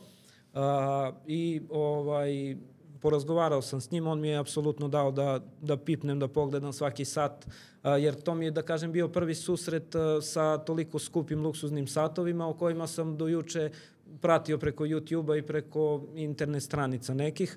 Znači dobru kolekciju imaju tamo. Da, da, da, da. Ovaj, izuzetnu kolekciju. Da pomenem sad i gazda te radnje je naš poznati kolekcionar Srđan Stević, koji ono bukvalno živi od toga da ide po svetu po tim aukcijama i kupuje te najređe modele i zaista ima jednu ozbiljnu kolekciju. on, on više voli one vintage starije modele, tako da je tokom godina, on se time bavi već duži vremenski period, a, bukvalno je a, došao do nekih modela koje, koje su nosili a, ovaj, pre, a, članovi porodice Karadžorđević, Tito, Ivo Andrić i tome slične poznate ličnosti, da kažem, istorijske važne ličnosti. E sad tu postoji neka interesantna priča vezana za, za Karadžorđevića i za Kartije. Da, da, postoji veza, da kažem da je ova, ova naša teritorija Srbije i ove, ranije Jugoslavije, a, dosta a, luksuznih satova je kroz nju prolazilo, a, tako da da su Karadžorđevići, uh, kada, kada je Petar I Karadžorđević 1903. godine došao na, na, na presto, da kažem, u godinama koje slede, ovaj Kartije je uh, bila poznata porodica luksuza koja je ranije počela da sarađuje sa nekim drugim kraljevskim dinastijama i ovaj da kažem jačala je taj svoj ugled time što je sarađivala sa uh, kraljevskim porodicama i bila je njihov zvanični juvelir. Uh -huh. Tako da je tada nastala jedna izreka koja kaže Cartier je juvelir kraljeva i kralj među juvelirima. Tako da je kralj Petar I Karadžorđević za 10 godina svoje vladavine, znači 1913. sklopio je ugovor sa ovaj Cartierom i Cartier je tada postao zvanični uh, juvelir uh, na, na dvoru Karadžorđevića. Tako da, uh, posle toga kada je ovaj Aleksandar Karadžorđević došao na tron, on je naručio od Cartiera da mu izrade jedan, uh, jedan model uh, sa, sa, koji je bio popločan dijamantima i bio izrađen u platini, uh, tako da uh, sve to ovaj, može da se nađe u Cartierovoj uh, zbirci, jer u svak, svaki od tih luksuznih brendova u svojoj kartoteci uh, ima po serijskom broju svaki model koji je izašao iz njihove fabrike, tako da ovaj, možemo... I kod kog je otišao? Vero? Tako je, tako je. Uh, vlasnika takođe. Tako da ovaj, možemo da kažemo da, da je Srbija sarađivala i sa Cartierom, Uh, i puno kasnije, znači u periodu Tita i ovaj periodu Jugoslavije, Tito je takođe ovaj, imao uh, jedan lep običaj da, da tim ljudima koji su njemu bili bliski da poklanja te neke luksuznije satove, uh, tako da onim baš velikim nekim činovnicima u, koji su bili uh, u vojsci uh, visoki po činu, da tako kažem, oni njima poklanjao, na primjer, Patek Filipe, uh, nekim zanatlijama, trgovcima i tome, poklanjao neke dokse, Schaffhausene i to. Čak postoji jedna interesantna priča da je Tito da kažem u periodu od nekih neke 55. 6. godine pa sve do, do pred svoju smrt da je on naručio direktno iz Schaffhausenove fabrike najveću ikad isporuku Schaffhausen ručnih satova Uh, kaže se da je u periodu znači od 56. pa sve do pred Titovu smrt isporučeno između 30 i 40 hiljada ručnih Schaffhausen modela. Tako da... Kod nas? Tako je, tako je, tako je. A koliko je vrednost jednog? Uh, pa, mislim, sada je teško to reći, ali uh, većina tih modela je u zlatu, tako da jeste vrednost uh, prilična. Tako da, većina tih modela takođe interesantno, na poleđini je imala ugravirano uh, Tito, znači Titove inicijale uh, i ispis uh, čuvajmo uh, kraljevinu. Tako da... Nije sigurno kraljevinu. Uh, odnosno, nije kraljevinu, nego Dobro, socijalističku federativnu, federativnu republiku Jugoslaviju. Dobro, a, ono što, što je interesantno kod, kod ajde da kažemo, tih a, luksuznih satova i, i sad si rekao Cartier, oni imaju vlasnike, kaži mi, a, na koju vrednost sad procenjuje kad bi došlo do a, neko do, došao u posed a, sata koji je recimo bio na, na ruci Petra Karadžorđevića. Koja je vrednost sad takvog kartijevog sata? Uh, pa sigurno da, mislim, ne znam da kažem, postoje e, u svetu te aukcije luksuznih satova, tako da, mislim, bukvalno... Ali se meri sigurno u stotinama da, hiljada. Da, da, da, od, od 100-200 hiljada evra pa naviše. Tako da, e, recimo, jedna interesantna priča, Paul Newman, koji je nosio Rolex Daytonu, uh -huh. a, glumac Paul Newman. A, znači, to je a, sat koji je prodat na aukciji 2018. godine za a, 18 miliona dolara.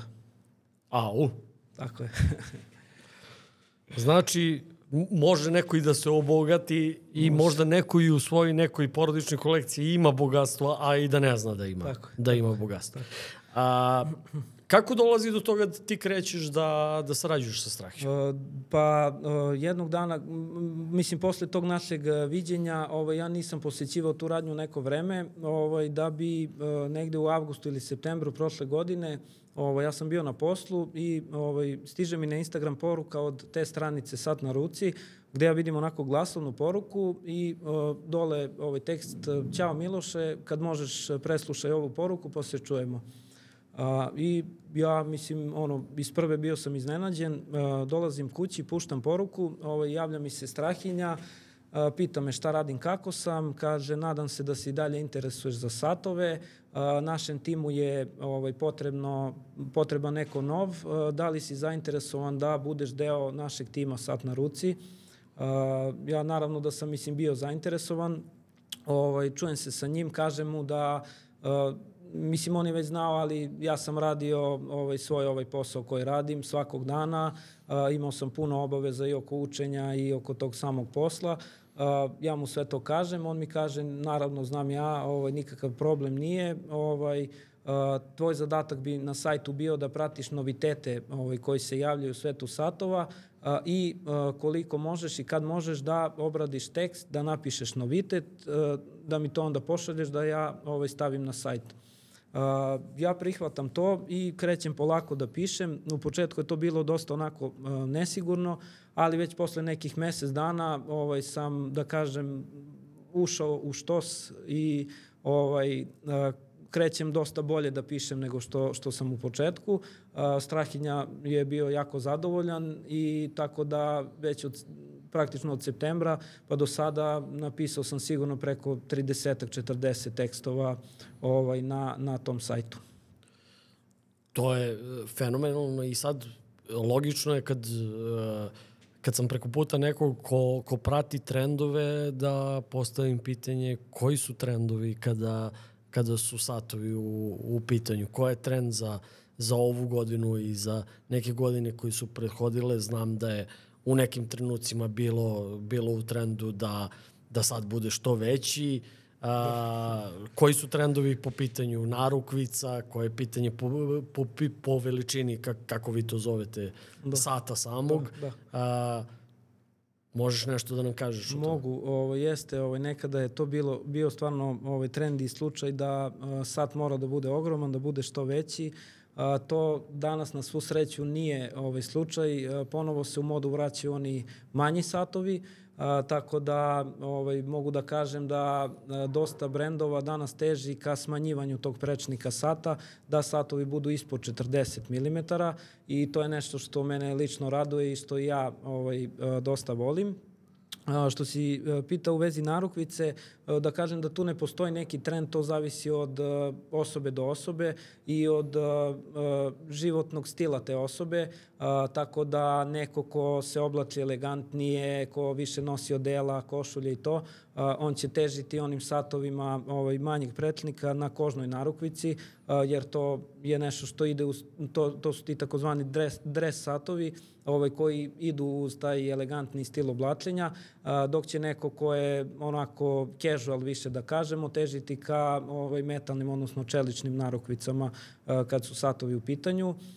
ono što je bitno da kažem u grubim crtama kada se bira ovaj, kupovina, pri kupovini uh, sata jeste da sat treba da ima, odnosno poželjno je da ima automatski mehanizam, uh -huh. uh, poželjno je da ima safirno staklo zato što je ono dosta otpornije na grebanje, na udarce i na habanje uh, i poželjno je da ima uh, nerđajući čelik, narukvicu, ako je čelična narukvica, da ona bude od nerđajućeg čelika oznake 316L, jer je on dosta otporniji od običnog onog čelika koji se na, na nekim jeftinim satovima može naći. A kako mi to znamo? Mislim, uh, pa... Ja recimo nemam pojma ništa. Ja sad te pitam kako ja da znam koji sat ima automatski mehanizam, koji sat ima safirno staklo, kako ja to da... da... Uh, automatski mehanizam možeš lako da vidiš, pre svega po tome što će sekundara ovaj, kod automatskog mehanizma, kod sata sa automatskim mehanizmom da klizi lagano preko... Ovaj, tu nemaš bateriju u tim satom? Nemaš, tu nemaš Dobro. bateriju, znači to je sat, evo ja nosim automatski ovaj, Ko je mehanizam. tvoj sat? Uh, moj sat je uh, Steinhardt, to je jedan nemački mikrobrand uh, koga pogoni švajcarski mehanizam. Uh -huh. uh, to je sat znači, uh, koji ima i ručno navijanje uh, i automatike, što znači da ja njega moram da uh, ujutru navijem i onda kako kako ga nosim u toku dana, pokretima ruke, on se sam navija i skladišti neku energiju, a, tako da on ima rezervnu snagu rada nekih 40 sati, što znači da ja ako ga dva dana ne nosim, on će i dalje da radi. A, tako da to su satovi na automatski mehanizam, dok su satovi na baterije, ovaj, a, kvartni, takozvani kvartni satovi, Uh, oni imaju bateriju u sebi, uh, kod njih kazaljka onako skače ovaj, sa jedne sekunde na, na narednu, uh, to su satovi koji su uglavnom jeftiniji, uh, i uh, da kažemo da uglavnom većina tih kvarsnih satova ima mineralno staklo koje nije toliko otporno na grebanje uh, i generalno su većina kvarsnih satova je dosta jeftinija od automatskih satova. Dobro. A, sad uh, ajde da kažemo, kad bi, kad bi neko kupovo, kad bi neko kupovo sat i sad kupuje svoj prvi sat i a, ide po ovim tvojim uputstvima da, da je automatski mehanizam, da je a, safirno staklo i da je nerađujući čelik, a, koliko to košta? Uh, pa to može da košta, da kažemo, takav jedan sat uh, kvalitetan sat može da se nađe za nekih 100 e, do 300 eura. Znači, može za pristojnu cenu. Jeste, jeste, svakako da može. Ovaj, I da kažem da a, najbolji ti satovi za početak a, u tom nekom cenovnom rangu do 100 eura, a, uvek savjetujem ljude da kupe Casio, ovaj, ukoliko su, da kažemo, više onako sportisti, vole taj neki stil oblačenja, G-Shock je uvek aktuelan i uvek svakog savetujem da to kupi za početak a, i postoje neki a, kineski mikrobrendovi ovaj, koji mogu da se nađu na AliExpressu za stotinak eura, a, tipa Pagani Design, a, koji prave strašne satove sa automatskim mehanizmima, znači koriste uglavnom Seikove mehanizme, koji su jako kvalitetni, imaju sve ovo što smo rekli, safirno staklo, nerađajući čelik, vodootpornost do 100 metara, znači apsolutno za 100 eura sa tim satovima nema greške. Ako idemo sad, da kažemo, da podignemo lestvicu... Znači, u suštini Pagani dizajn je neki knock-off brand koji... Mikrobrand, koji, to se zove mikrobrand. Koji kopira a, druge brendove po dizajnu. Jeste, jeste. I a, ima kvalitet koji bi zadovoljio svakog tako, ljubitelja tako, satova. Tako je. Uh, kao što si rekao, oni... Znači, može, mogu ljudi da ih nađu na, na AliExpressu. Da, da, da, svakako. Znači, svakako. Pagani dizajn, ukoliko nemate za neki poznati brend, ti preporučuješ da, da, se, da, da. da može da se krene sa Pagani može, dizajn. Može, odlični su stvarno, imao sam prilike da ih vidim i da ih nosim. Uh, kao što si rekao, oni uh, nemaju svoj neki dizajn, već preuzimaju dizajn nekih poznatih brendova tipa Rolex, Patek Philip, tome slično a, i to su sve tu satova zovu omaži. Znači to uh -huh. nisu kopije, a, zato što on potpisuje svoje ime na taj brojčanik, a, ne potpisuje niti Rolex, niti Patek, da, samo da, nije, preuzima njihov okay, dizajn. Okay, okay, okay. A, tako da odlični su za taj neki cenovni rang do, do 100 eura. A, ukoliko sad idemo znači od 100 do 300 eura, tu ovaj, uvek savetujem ljude da istraže Orient. Tu su, znači, u tom nekom cenovnom rangu do 300 eura Japanci vladaju, da kažem, tom, tim cenovnim rangom i uvek savetujem ljude da kupe Orient, da kupe Seiko i da kupe Citizen. sva tri brenda ovaj, su jako kvalitetni, imaju automatske mehanizme.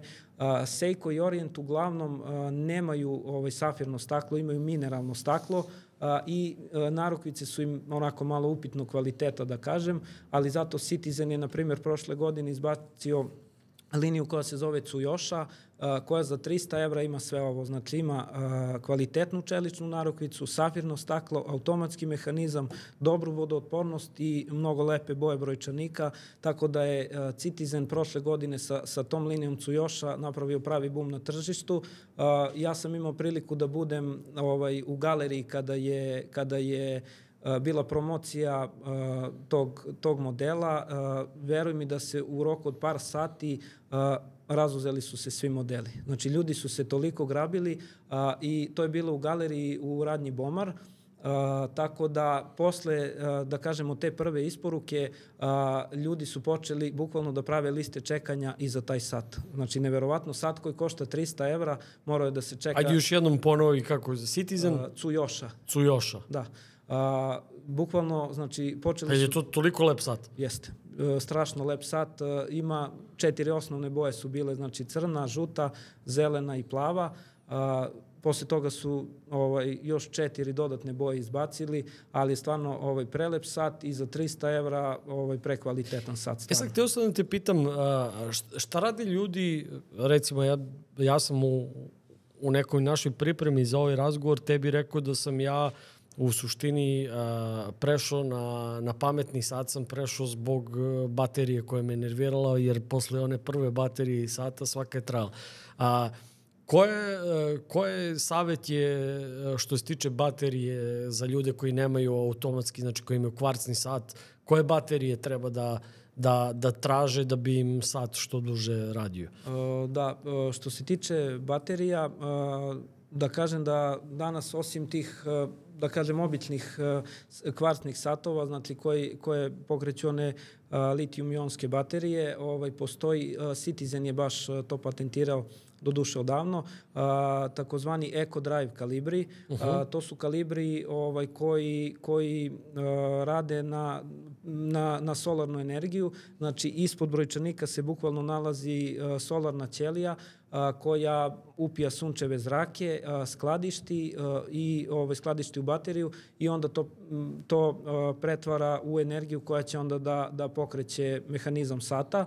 A, I njihova prednost je, na primjer, što a, baterije tog tipa, a, na primjer, a, mogu da traju nekih 7, 8 pa i do 10 godina. A, u, kad, se, kad taj period prođe, znači kad, kad baterija stane, uh, zamena takve baterije košta nekih možda 2-3 hiljade dinara i onda ona može da radi još 10 godina. Tako da, A šta je odlično. uopšte sa mehanizmima? Koja je, koja je razlika između tog kvarcnog i automatskog mehanizma i koliko su česte Koliko su česti kvarovi mehanizama kod, kod satova? Pa razlika ovaj, jeste pre svega u tome što kod automatskih kalibara imamo a, znači sistem a, opruga, sistem opruga i zupčanika i onda a, kada se sat navija, a, navija se i taj preko zupčanika navija se i ta opru- opruga, skladišti se a, određena rezerva rada od nekih na primjer 40, 50, 60 sati a, i onda sat kada se ne nosi on ima troši tu rezervu rada i na primjer ako ima 40 sati ti možeš sad da skineš u petak, da, da ga ne nosiš subotu i onda u nedelju ga staviš na ruku, on će i dalje da radi. Ukoliko se desi da stane, znači ti ga samo naviješ, vratiš ga na ruku i to je to. A, ovaj, a, šta je još bitno reći, a, kada, kada su ti automatski kalibri u pitanju, a, svakako da postoji razlika u složenosti, a, jer, na primjer, kod ovih luksi, luksuznih satova a, a, sa automatskim mehanizmom a, pos, postoje a, jako složeni automatski kalibri, na primjer perpetual kalendari, a, koji a, osim toga što pokazuju vreme, oni pokazuju neke dodatne funkcije kao što su, na primjer, mesec u godini, dan u nedelji, datum, pa idu čak toliko daleko da pokazuju položaj mesečevih mena u odnosu na, na sunce. Tako da to su satovi koji su izuzetno skupi, izuzetno komplikovani mehanizmi a, i ovaj satovi koji koštaju od, na primjer, nekih 15-20 hiljada evra pa na gore. A kvarcni mehanizam? Kvarcni mehanizam je jako, da kažem, jeftin, jako ga je lako napraviti, tako da ti bukvalno imaš sada, uh, možeš da nađeš na AliExpressu da kupiš sam kvarcni taj kalibar koji košta, na primjer, 10 evra. Uh -huh. I onda, ono, bukvalno možeš da zameniš kad ti neki sat se pokvari, staviš mu samo to i, mislim, to je to, on može i dalje da E sad, ja mislim, pričali smo o tome, ja imam neke satove, ja mislim da su svi kvarcni. I sad mene interesuje, tu ja mislim da su četiri različita brenda, pa ti da, da, da, da pogledaš i da kažeš nešto o svakom satu, a i da, da čujem koja bi tvoja procena vrednosti bila svakog od, od tih satova. Okay. Možeš slobodno da pričaš ljudima i koje su, koji su brendovi u pitanju. Dobro. Nije, nije Ok. Aha. Uh, ovako, uh, jesu, svi su kvarcni ovaj, satovi uh, i da kažem da uh, uglavnom ovde ti sve što imaš ovo jesu uh, takozvani dizajnerski brendovi dobro. uh, koje ja iskreno ne volim preterano.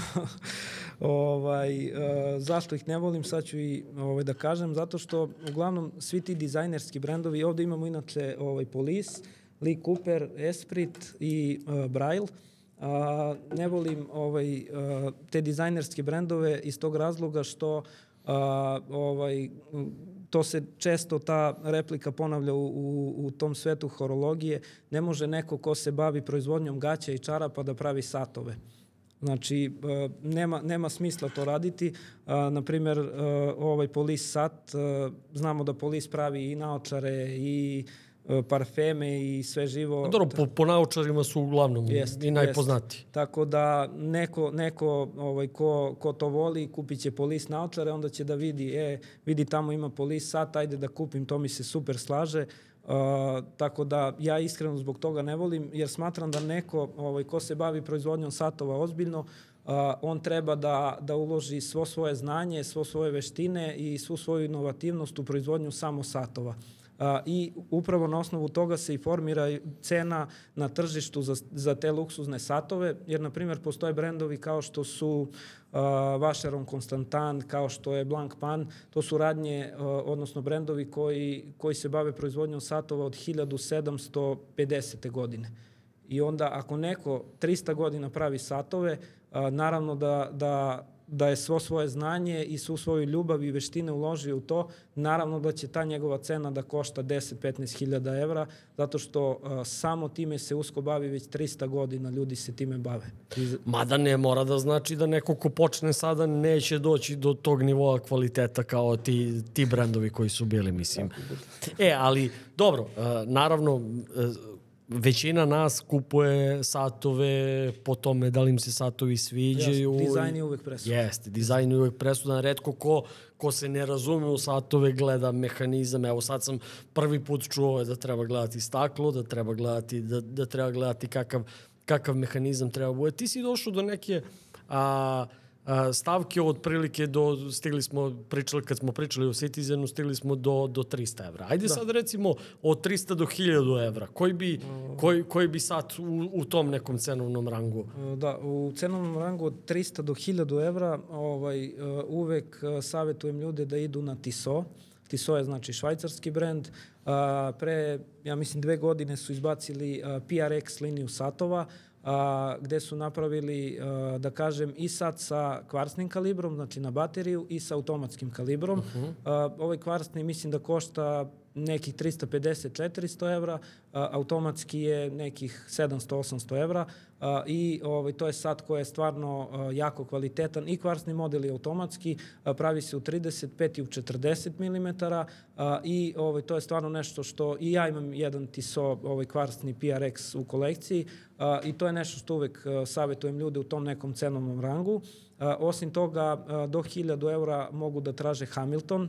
Hamilton kaki field linija satova ovaj, isto postoji i sa kvarsnim i sa automatskim mehanizmom.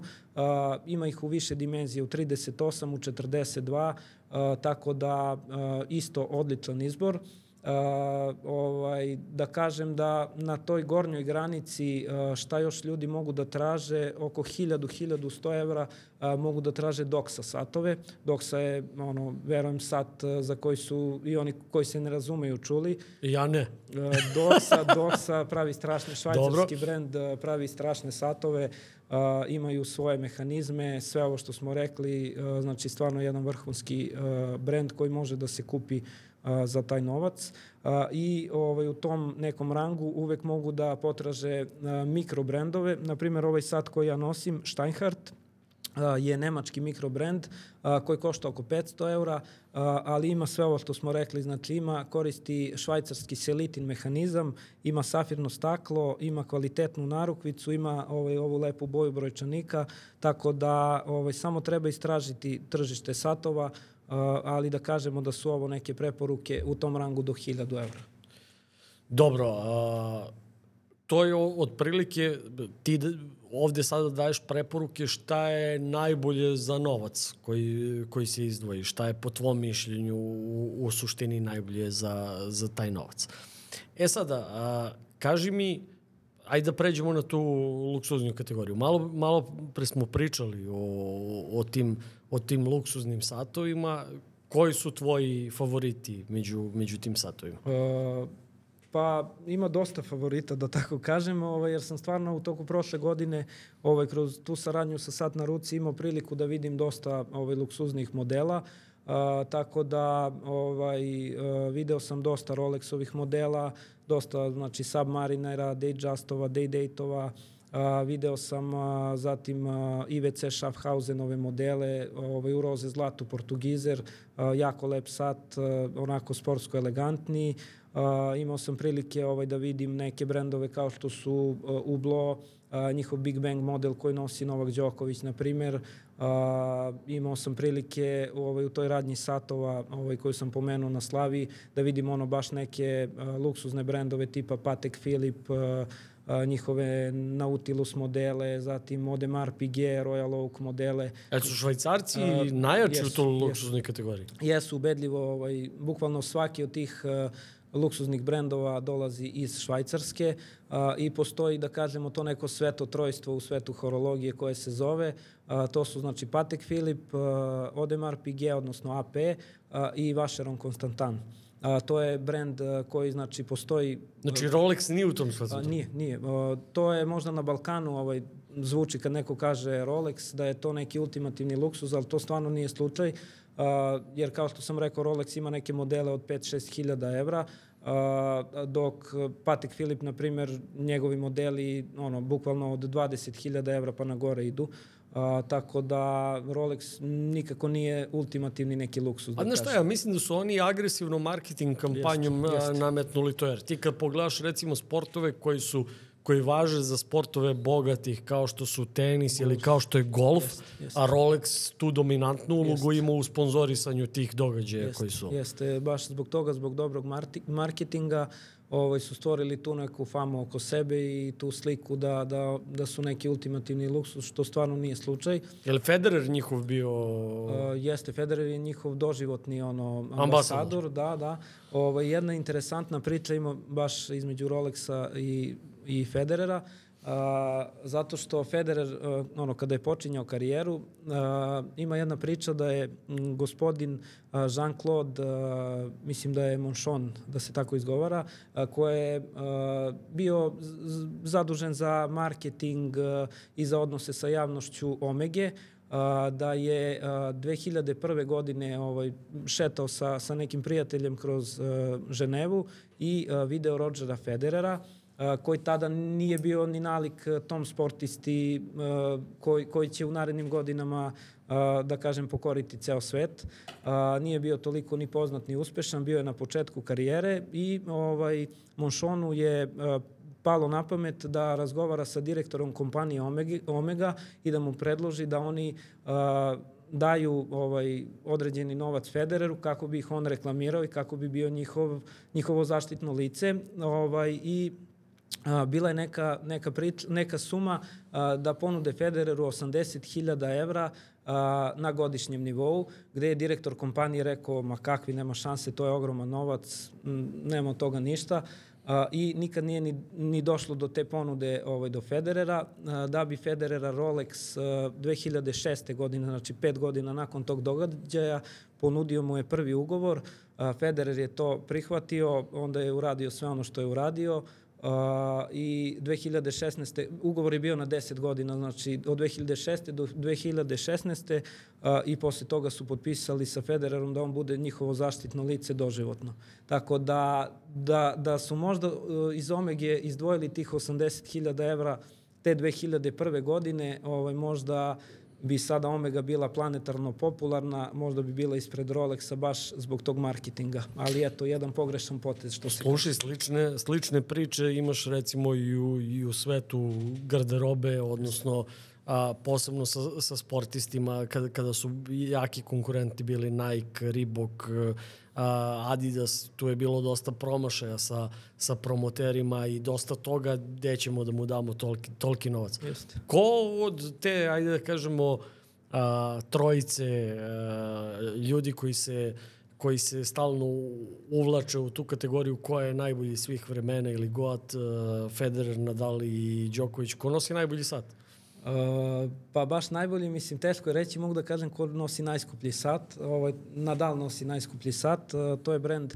Richard Mille, a, ovaj, koji, da kažemo, nije toliko brand, mislim da postoji nekih 20 godina, a, ali oni prave znači, nenormalno kompleksne i složene mehanizme a, i a, prave satove koji, koji se izrađuju od nekih materijala a, koji, koji a, se koriste bukvalno za neke svemirske ekspedicije i tome slično, koji su ultra lagani a, i koji Nadalu ne, ne, ne predstavljaju problem da ga nosi dok igra.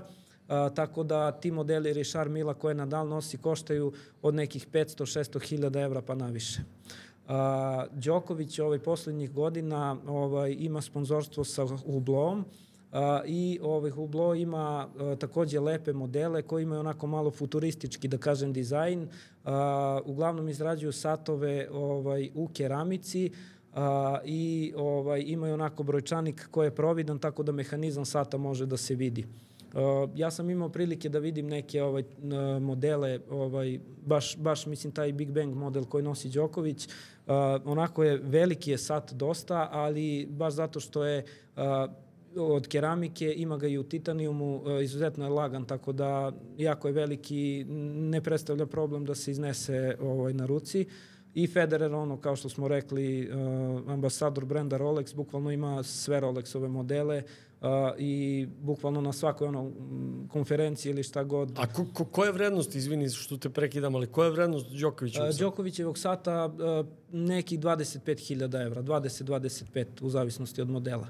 Tako da uh, to je to što se Federera tiče, ono Rolex bukvalno mislim da svaki ima u kolekciji. Uh, On menja. on menja, bukvalno menja, tako da mislim ima satova od 10.000 evra pa do 100.000 evra je nosio Federer tokom karijere i uh, do, dokle god je živ sigurno će da, da uvek uh, ističe to da je, on je stvarno ponosan na, na to sponzorstvo koje ima s Rolexom jer i on je švajcarac i Rolex je i švajcarske, tako da jedna lepa saradnja svaka. Dobro, to je, to, to je lepo. A, on, ono što si sad pomenuo kad, kad si pričao o satovima, a, je bilo interesantno pričaš o lakoći sata. Znaš. Znači, ne važi ono što je sat teži da je, da je bolji. Pa ne. mislim, to možda kod nas važi, ali generalno, mislim, ovaj, ne važi. Uh, svakako da ma materijal od koga je sad napravljen ima ulogu ovaj, koliko će sada bude težak. Uh, tako da, na primjer, satovi koji su u zlatu ovaj, bit će teži, dok, na primjer, satovi u keramici, u titanijumu su izuzetno lagani i bukvalno ne teže ni neki 70-80 grama. Tako da materijal izrade svakako ima ulogu koliko će sada bude težak. E sad, pričali smo o, o teniserima. Šta nose političari? Recimo, šta nose najmoćniji ljudi? Šta nosi Putin, šta nosi Biden, Da. Obama? Da, da, da. Ovako, što se tiče političara, ovaj, konkretno Putin a, ima onako baš, da kažem, istančen ukus kad su satovi u pitanju, tako da u svojoj kolekciji ima ono baš, baš ultra luksuzne i brendove koji se ne viđaju svaki dan. A, to je pre svega Blanc Pan, a, ovaj, to je brend koji postoji od 1735. godine a, i Vrednost? to je, to je najstariji brend a, ono, u svetu horologije. A, vrednost tog modela, on mislim da nosi onaj crni, ovaj, to je Grand Date Aqualang se baš zove model, a, neki 20.000 evra košta. A, Dobro, znači Đoković je sad skuplji. Da, da, da. to je to. Uh, osim toga, ovaj, ima Putin u kolekciju ima i Patek Filip uh, Perpetual kalendar. Uh, mislim da je neka referenca 5039, uh, to je sat u žutom zlatu, uh, ovaj, koji košta oko 50.000 evra. Osim toga ima i još neke satove kao što su FP Žurni, uh, Alangenzon, jedna nemačka firma koja pravi strašno dobre i strašno lepe satove. Tako da Putin se stvarno, uh, vidi se da on zna šta nosi i uh, recimo, Ili neko iz njegovog tima, znaš Uh, šta. možda i to, ali baš bira ono brendove koji se ne viđaju svakog dana. Uh, inače, jedna interesantna stvar kad je Putin u pitanju, ovaj, uh, na koju sam ja obratio pažnju, da Putin nosi satove na desnoj ruci, recimo. Aha. Uh, ovaj, E to, ali to je nekako, čim smo se susreli sa satovima, neko pravilo je bilo da, da, da se sat nosi na levoj ruci. Zašto leva, ne desna? Uh, Pa u suštini da kažemo da ne postoji neko pravilo, više mislim da je stvar navike. A, možda se nekad u, u, u prošlosti to, to pravilo ustalilo zato a, što je ova krunica za navijanje sata, jer su a, izvorno satovi, većina satova su bili mehanički satovi. Uh -huh. uh, satovi na baterije na kvarsni pogon se javljaju tek od 70. godina. Mnogo pre toga su bili mehanički satovi i onda uh, je nekako valjda zbog krunice bilo logično da zbog navijanja da se nosi na levoj ruci. Danas ne postoji nikakvo pravilo baš zbog toga što svi ovi satovi imaju imaju tu rezervnu snagu rada, tako da ti možeš sat da, da nosiš na desnoj ruci, ne moraš da ga navijaš uopšte, znači on će da radi 40 sati. Tako da ne postoji nikakvo pravilo, jednostavno valjda ostalo je nekako da se nosi na manje dominantnoj ruci i možda zbog toga, jer je veći broj ljudi desnoruki pa onda nose na levoj ruci, možda im je jednostavnije zbog toga što je manje dominantna, manje, manje je rizik da se udari sad, da se ošteti i zbog toga. Tako Pa misliš da levoruki ljudi nose na desnoj ruci sat? A, pa neki koje ja poznajem nose, ali neko nosi na levoj, tako da stvarno Nema ne, pravila. postoji, ne, Ne- postoji pravila. Nema pravila. Tako. E sad, a, pričali smo o, o, o ruskom predsedniku, pošto je on predsednik hi, hi, hi već, Da. a, s ove američke strane ih im, ima nekoliko ličnosti a, koje bi volao da čujem. Znači, hteo bih da čujem šta nose Biden, Obama i recimo Trump. Šta, na, šta, šta oni nose od Da, sada? ovako, što se tiče Bajdena, uh, ono što sam ja video, ovaj, on nosi uh, Rolexov model Date Just uh, u 41 mm veličini. Ovaj, njegov referentni kod je uh, 126300. A, znači, to je čelični model, ima plavi brojčanik, ima ovaj, čeličnu jubilej narukvicu i njegova cena je nekih 8-9 hiljada evra u radnji. Znači on je skroman u odnosu jeste, na sve ostalo. Jeste, izuzetan gospodin. A, tako da, osim toga, u kolekciji video sam da ima i Omega Speedmaster Moon uh, Watch. Uh, ovaj, to je izvorno onaj sat koji je toliko najpoznatiji praktično Omegin model.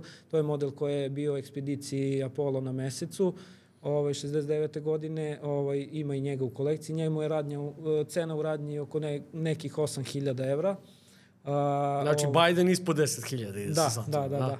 Uh, Obama uh, nosi jedan elegantan sat uh, Rolex Celini. Uh, to je sat uh, koji je u žutom zlatu, ovaj, na kožnom kajšu uh, i njegova cena je oko neki 10.000 evra isto tako. Uh, Uh, I šta smo rekli, Trump, uh, Trump nosi, e, on nosi onaj pravi predsednički sat, uh, Rolex President takozvani, uh, Day Date uh, u žutom zlatu. Njegov referentni kod je 18038, 36 mm veliki sat, ceo je u zlatu i njegova cena je nekih 20.000 evra, 15 do 20. Znači on nosi najskuplji sat. Da, Dobro, on da. je iz biznisa ušao jest, u, jest. u politiku. Ali, e, znaš šta mi je interesantno u, u celoj priči, sad kad smo pričali o političarima, tačno se vidi a, Amerika, kapitalističko društvo, jest. Rolex što se tiče marketinga i svi nose Rolex, jest, jest. dok izgleda da, da Putin ima onako istančan jest, ukus tako, u odnosu tako. na u odnosu To je ono što sam ti rekao, baš se vidi da... Mada i tradicije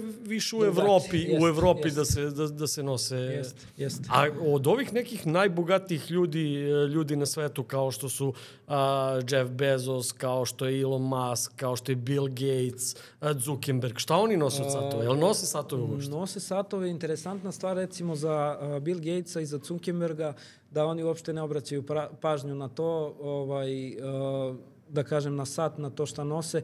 Uh, bukvalno oboje nose Casio satove od 50 evra.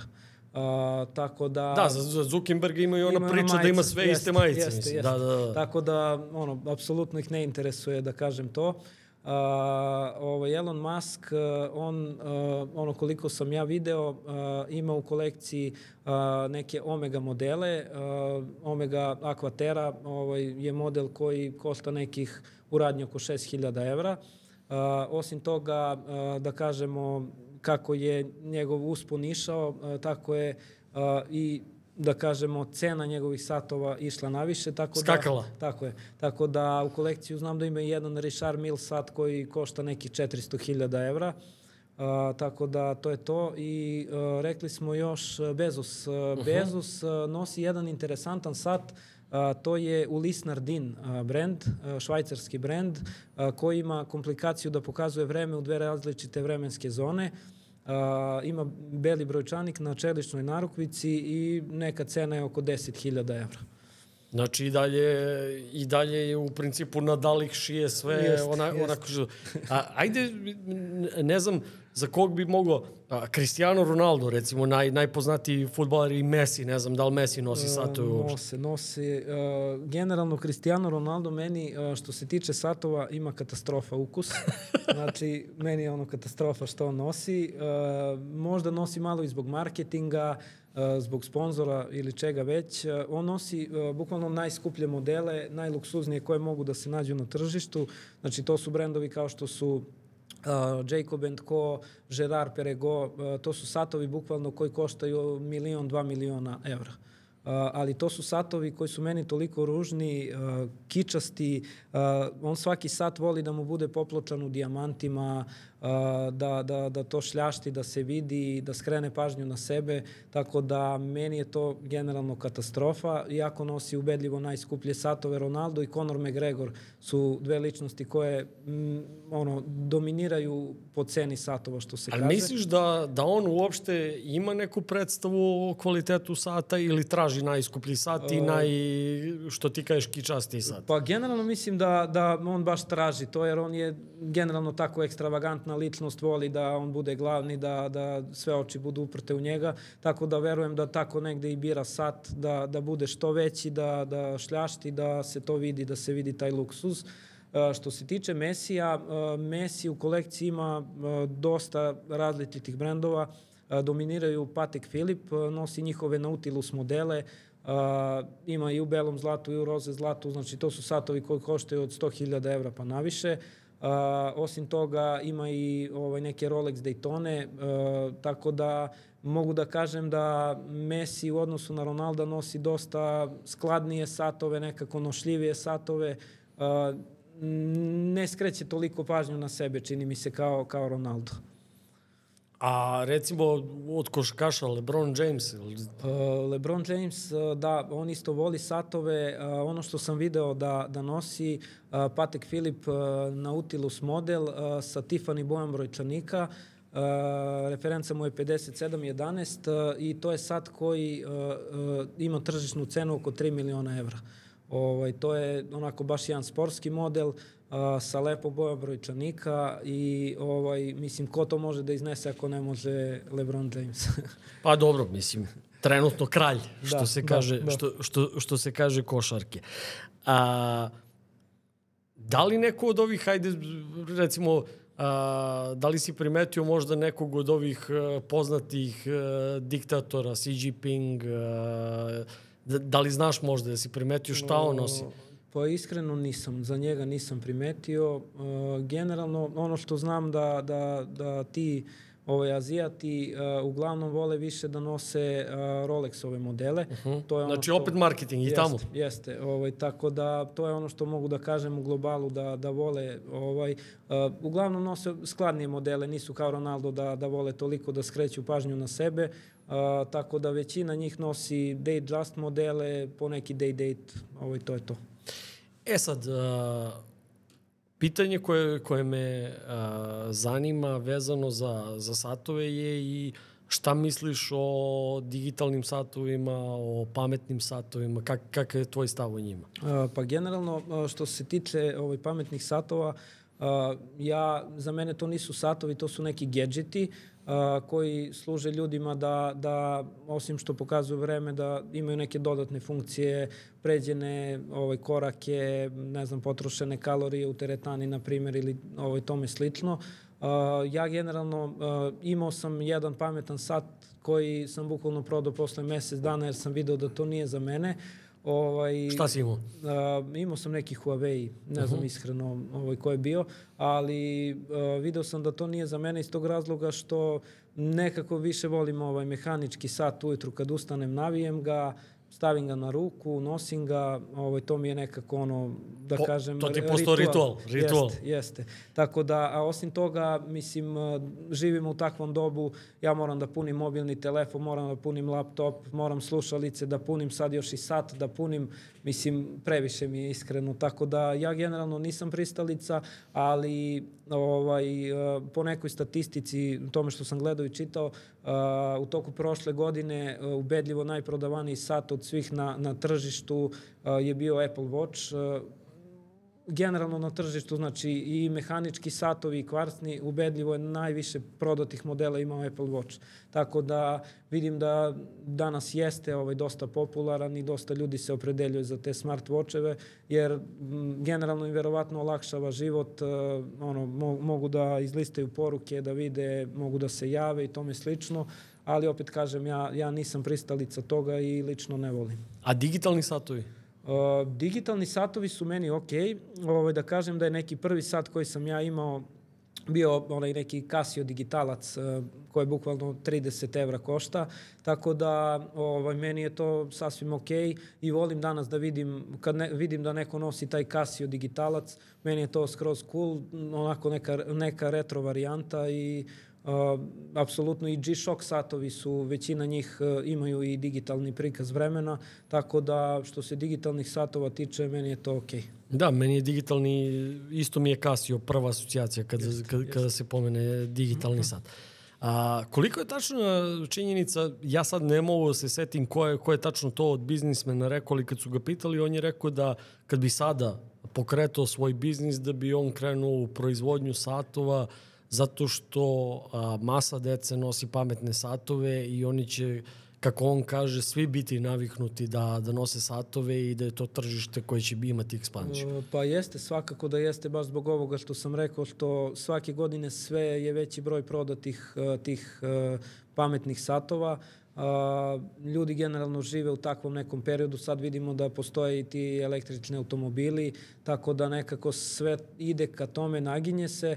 A, opet kažem, jako ne volim, jako se nadam da će nekako da, da prevagne ova časovničarska industrija, ipak da se vraćaju ovaj, ti pravi mehanički satovi stari ovaj, da se vraćaju u modu. Uh, svakako da, da tržište pametnih industrije pametnih satova sigurno da ima a, lepu budućnost u, u, u nastavku. Znaš šta, ja tu mislim da, da što se tiče tih nekih satova, da to ide i, i sa godinama, a, da, da ne ide tako, a i da moraš da imaš, znaš, da bi, da bi uživao, uživao uopšte u satovima, moraš da, da imaš neko, ajde da kažemo, neki stečeni metak da bi mogo na, na, na te stvari da, da, da izdvojiš. E sada, a, oni koji se odlučuju da, da kupe satove, a gde u našoj zemlji mogu da, da kupe satove, počevo od onih ovih koje smo pričali, a, sa, sa mehanizmima, znači automatskim mehanizmima do, do nekih skupljih satova. Gde, gde to mogu, gde mogu da se susretnu s njima uopšte? Uh, generalno, da kažem, po ovim većim gradovima, ovaj, uh, najveći distributer tih, uh, ovaj, da kažemo, jeftinih pristupačnih satova uh, jesu Bomar radnje. Uh, osim Bomara, ovaj, tu su radnje SL Jokić, radnje Watch RS i BPM radnje. Kada pričamo o onim nekim skupljim ovaj, satovima i brendovima, u Beogradu postoji radnja Maestro, ovaj, koji su generalni distributer za satove a, brenda IVC Schaffhausen, a, za a, brend Zenit i za Hublot brend. A, tako da kod njih možemo da kupimo te neke ovaj luksuznije brendove. Naravno u Beogradu postoji a, ovaj generalni distributer Rolexa, ovaj to su radnje a, Petrović ovaj, koje se nalaze u Knez Mihajlovoj. A, za Rolex i za Tudor a, su oni distributeri. Tamo možete da se upišete na checklistu. Tako je, tako je, tamo može. Ovaj, I postoji u Knez Mihajlovoj takođe radnja koja se zove Absolute Watch, a, koja, odnosno Absolute Time, koja ovaj, je distributer za brand Omega, a, i za Tissot. Tako da, to je to. A ukoliko neko hoće da izbegne te liste čekanja za ove skuplje, šta on radi? On može da dođe ovaj, u radnju Belgrade Vintage Watches i tamo da... Gde da, se nalazi ta radnja? A, radnja se nalazi na uglu ovaj, ulice Birčaninove i Svetozara Markovića, bukvalno preko puta Malog Pariza odmah. Ovaj, tako da tamo može da vidi ponudu tih luksuznih polovnih satova i da kupi bez bilo kakve liste čekanja. Dobro. A, ti, kakvi su tvoji planovi? Nastavljaš da, da pišeš? Rekao si mi da, da treba da kreneš da pišeš i za časopis. Da, ovaj, dobio sam pre par dana bukvalno ovaj ponudu da, da počnem da sarađujem sa časopisom Satovi i Nakit. To je kod nas jedini jedini magazin koji se bavi tematikom satova na, na srpskom jeziku. Ovaj, dobio sam ponudu da krenem da pišem tekstove za njih ovaj, i svakako da ću to prihvatiti. A, dalje neki planovi, ništa nastavljam ovaj, da pišem. A, ovaj, u toku ove godine a, bi trebalo na sajtu Sat na ruci, a, trebalo, trebalo bi da a, pokrenemo i da otvorimo i online shop, gde će sada ljudi moći neke brendove koji, koji koji ne postoje na našem tržištu moći da kupe online ovaj, preko sajta. To bi sve trebalo da zaživi u toku ove godine.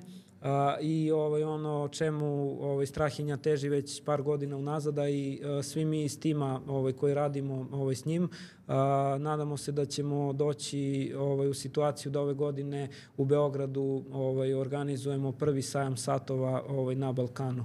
Ovaj, to, to bi bilo nešto jako lepo i nešto što do sad nije kod nas viđeno, a, gde bi došli neki strani izlagači, strani brendovi a, i ovaj, nadamo se da u toku ove godine to realizuje. A gde se to planira? I kada se planira? Planira se da bude u drugoj polovini ove godine. Ovaj, trebalo je da bude prošle godine, ovaj, ali nešto se, da kažem, izjalovilo i nije bilo realizovano. A, planira se u drugoj polovini ove godine, ovaj, najverovatnije na Beogradskom sajmu da bude. To je odlično i eto, i eto i nama prilike da, da, da možda dođemo do, do vas kada bude to i da, i da sa tobom i Strahinjom obavimo još neki razgovor i da snimimo neke od tih luksuznih satova koje realno nismo imali priliku da vidimo. A za sve one koji, kojima, koji vole satove, a koji ne znaju, još jednom da napomenem, Sat na ruci se, se zove sajt, postoji Instagram stranica, postoji i podcast sa istom tematikom. A, Miloše, šta ti kažem, hvala ti što si, što si izdvojio vreme. Mislim da će ljudima koji vole satove ova emisija biti, biti interesantna, da smo onako rekli a, od svega pomalo, da, da nekog uputimo u svet satova, a za sve ostalo tu su časopis za koji pišeš, a, sajt za koji pišeš, pa nek krenu polako i da uče o tome.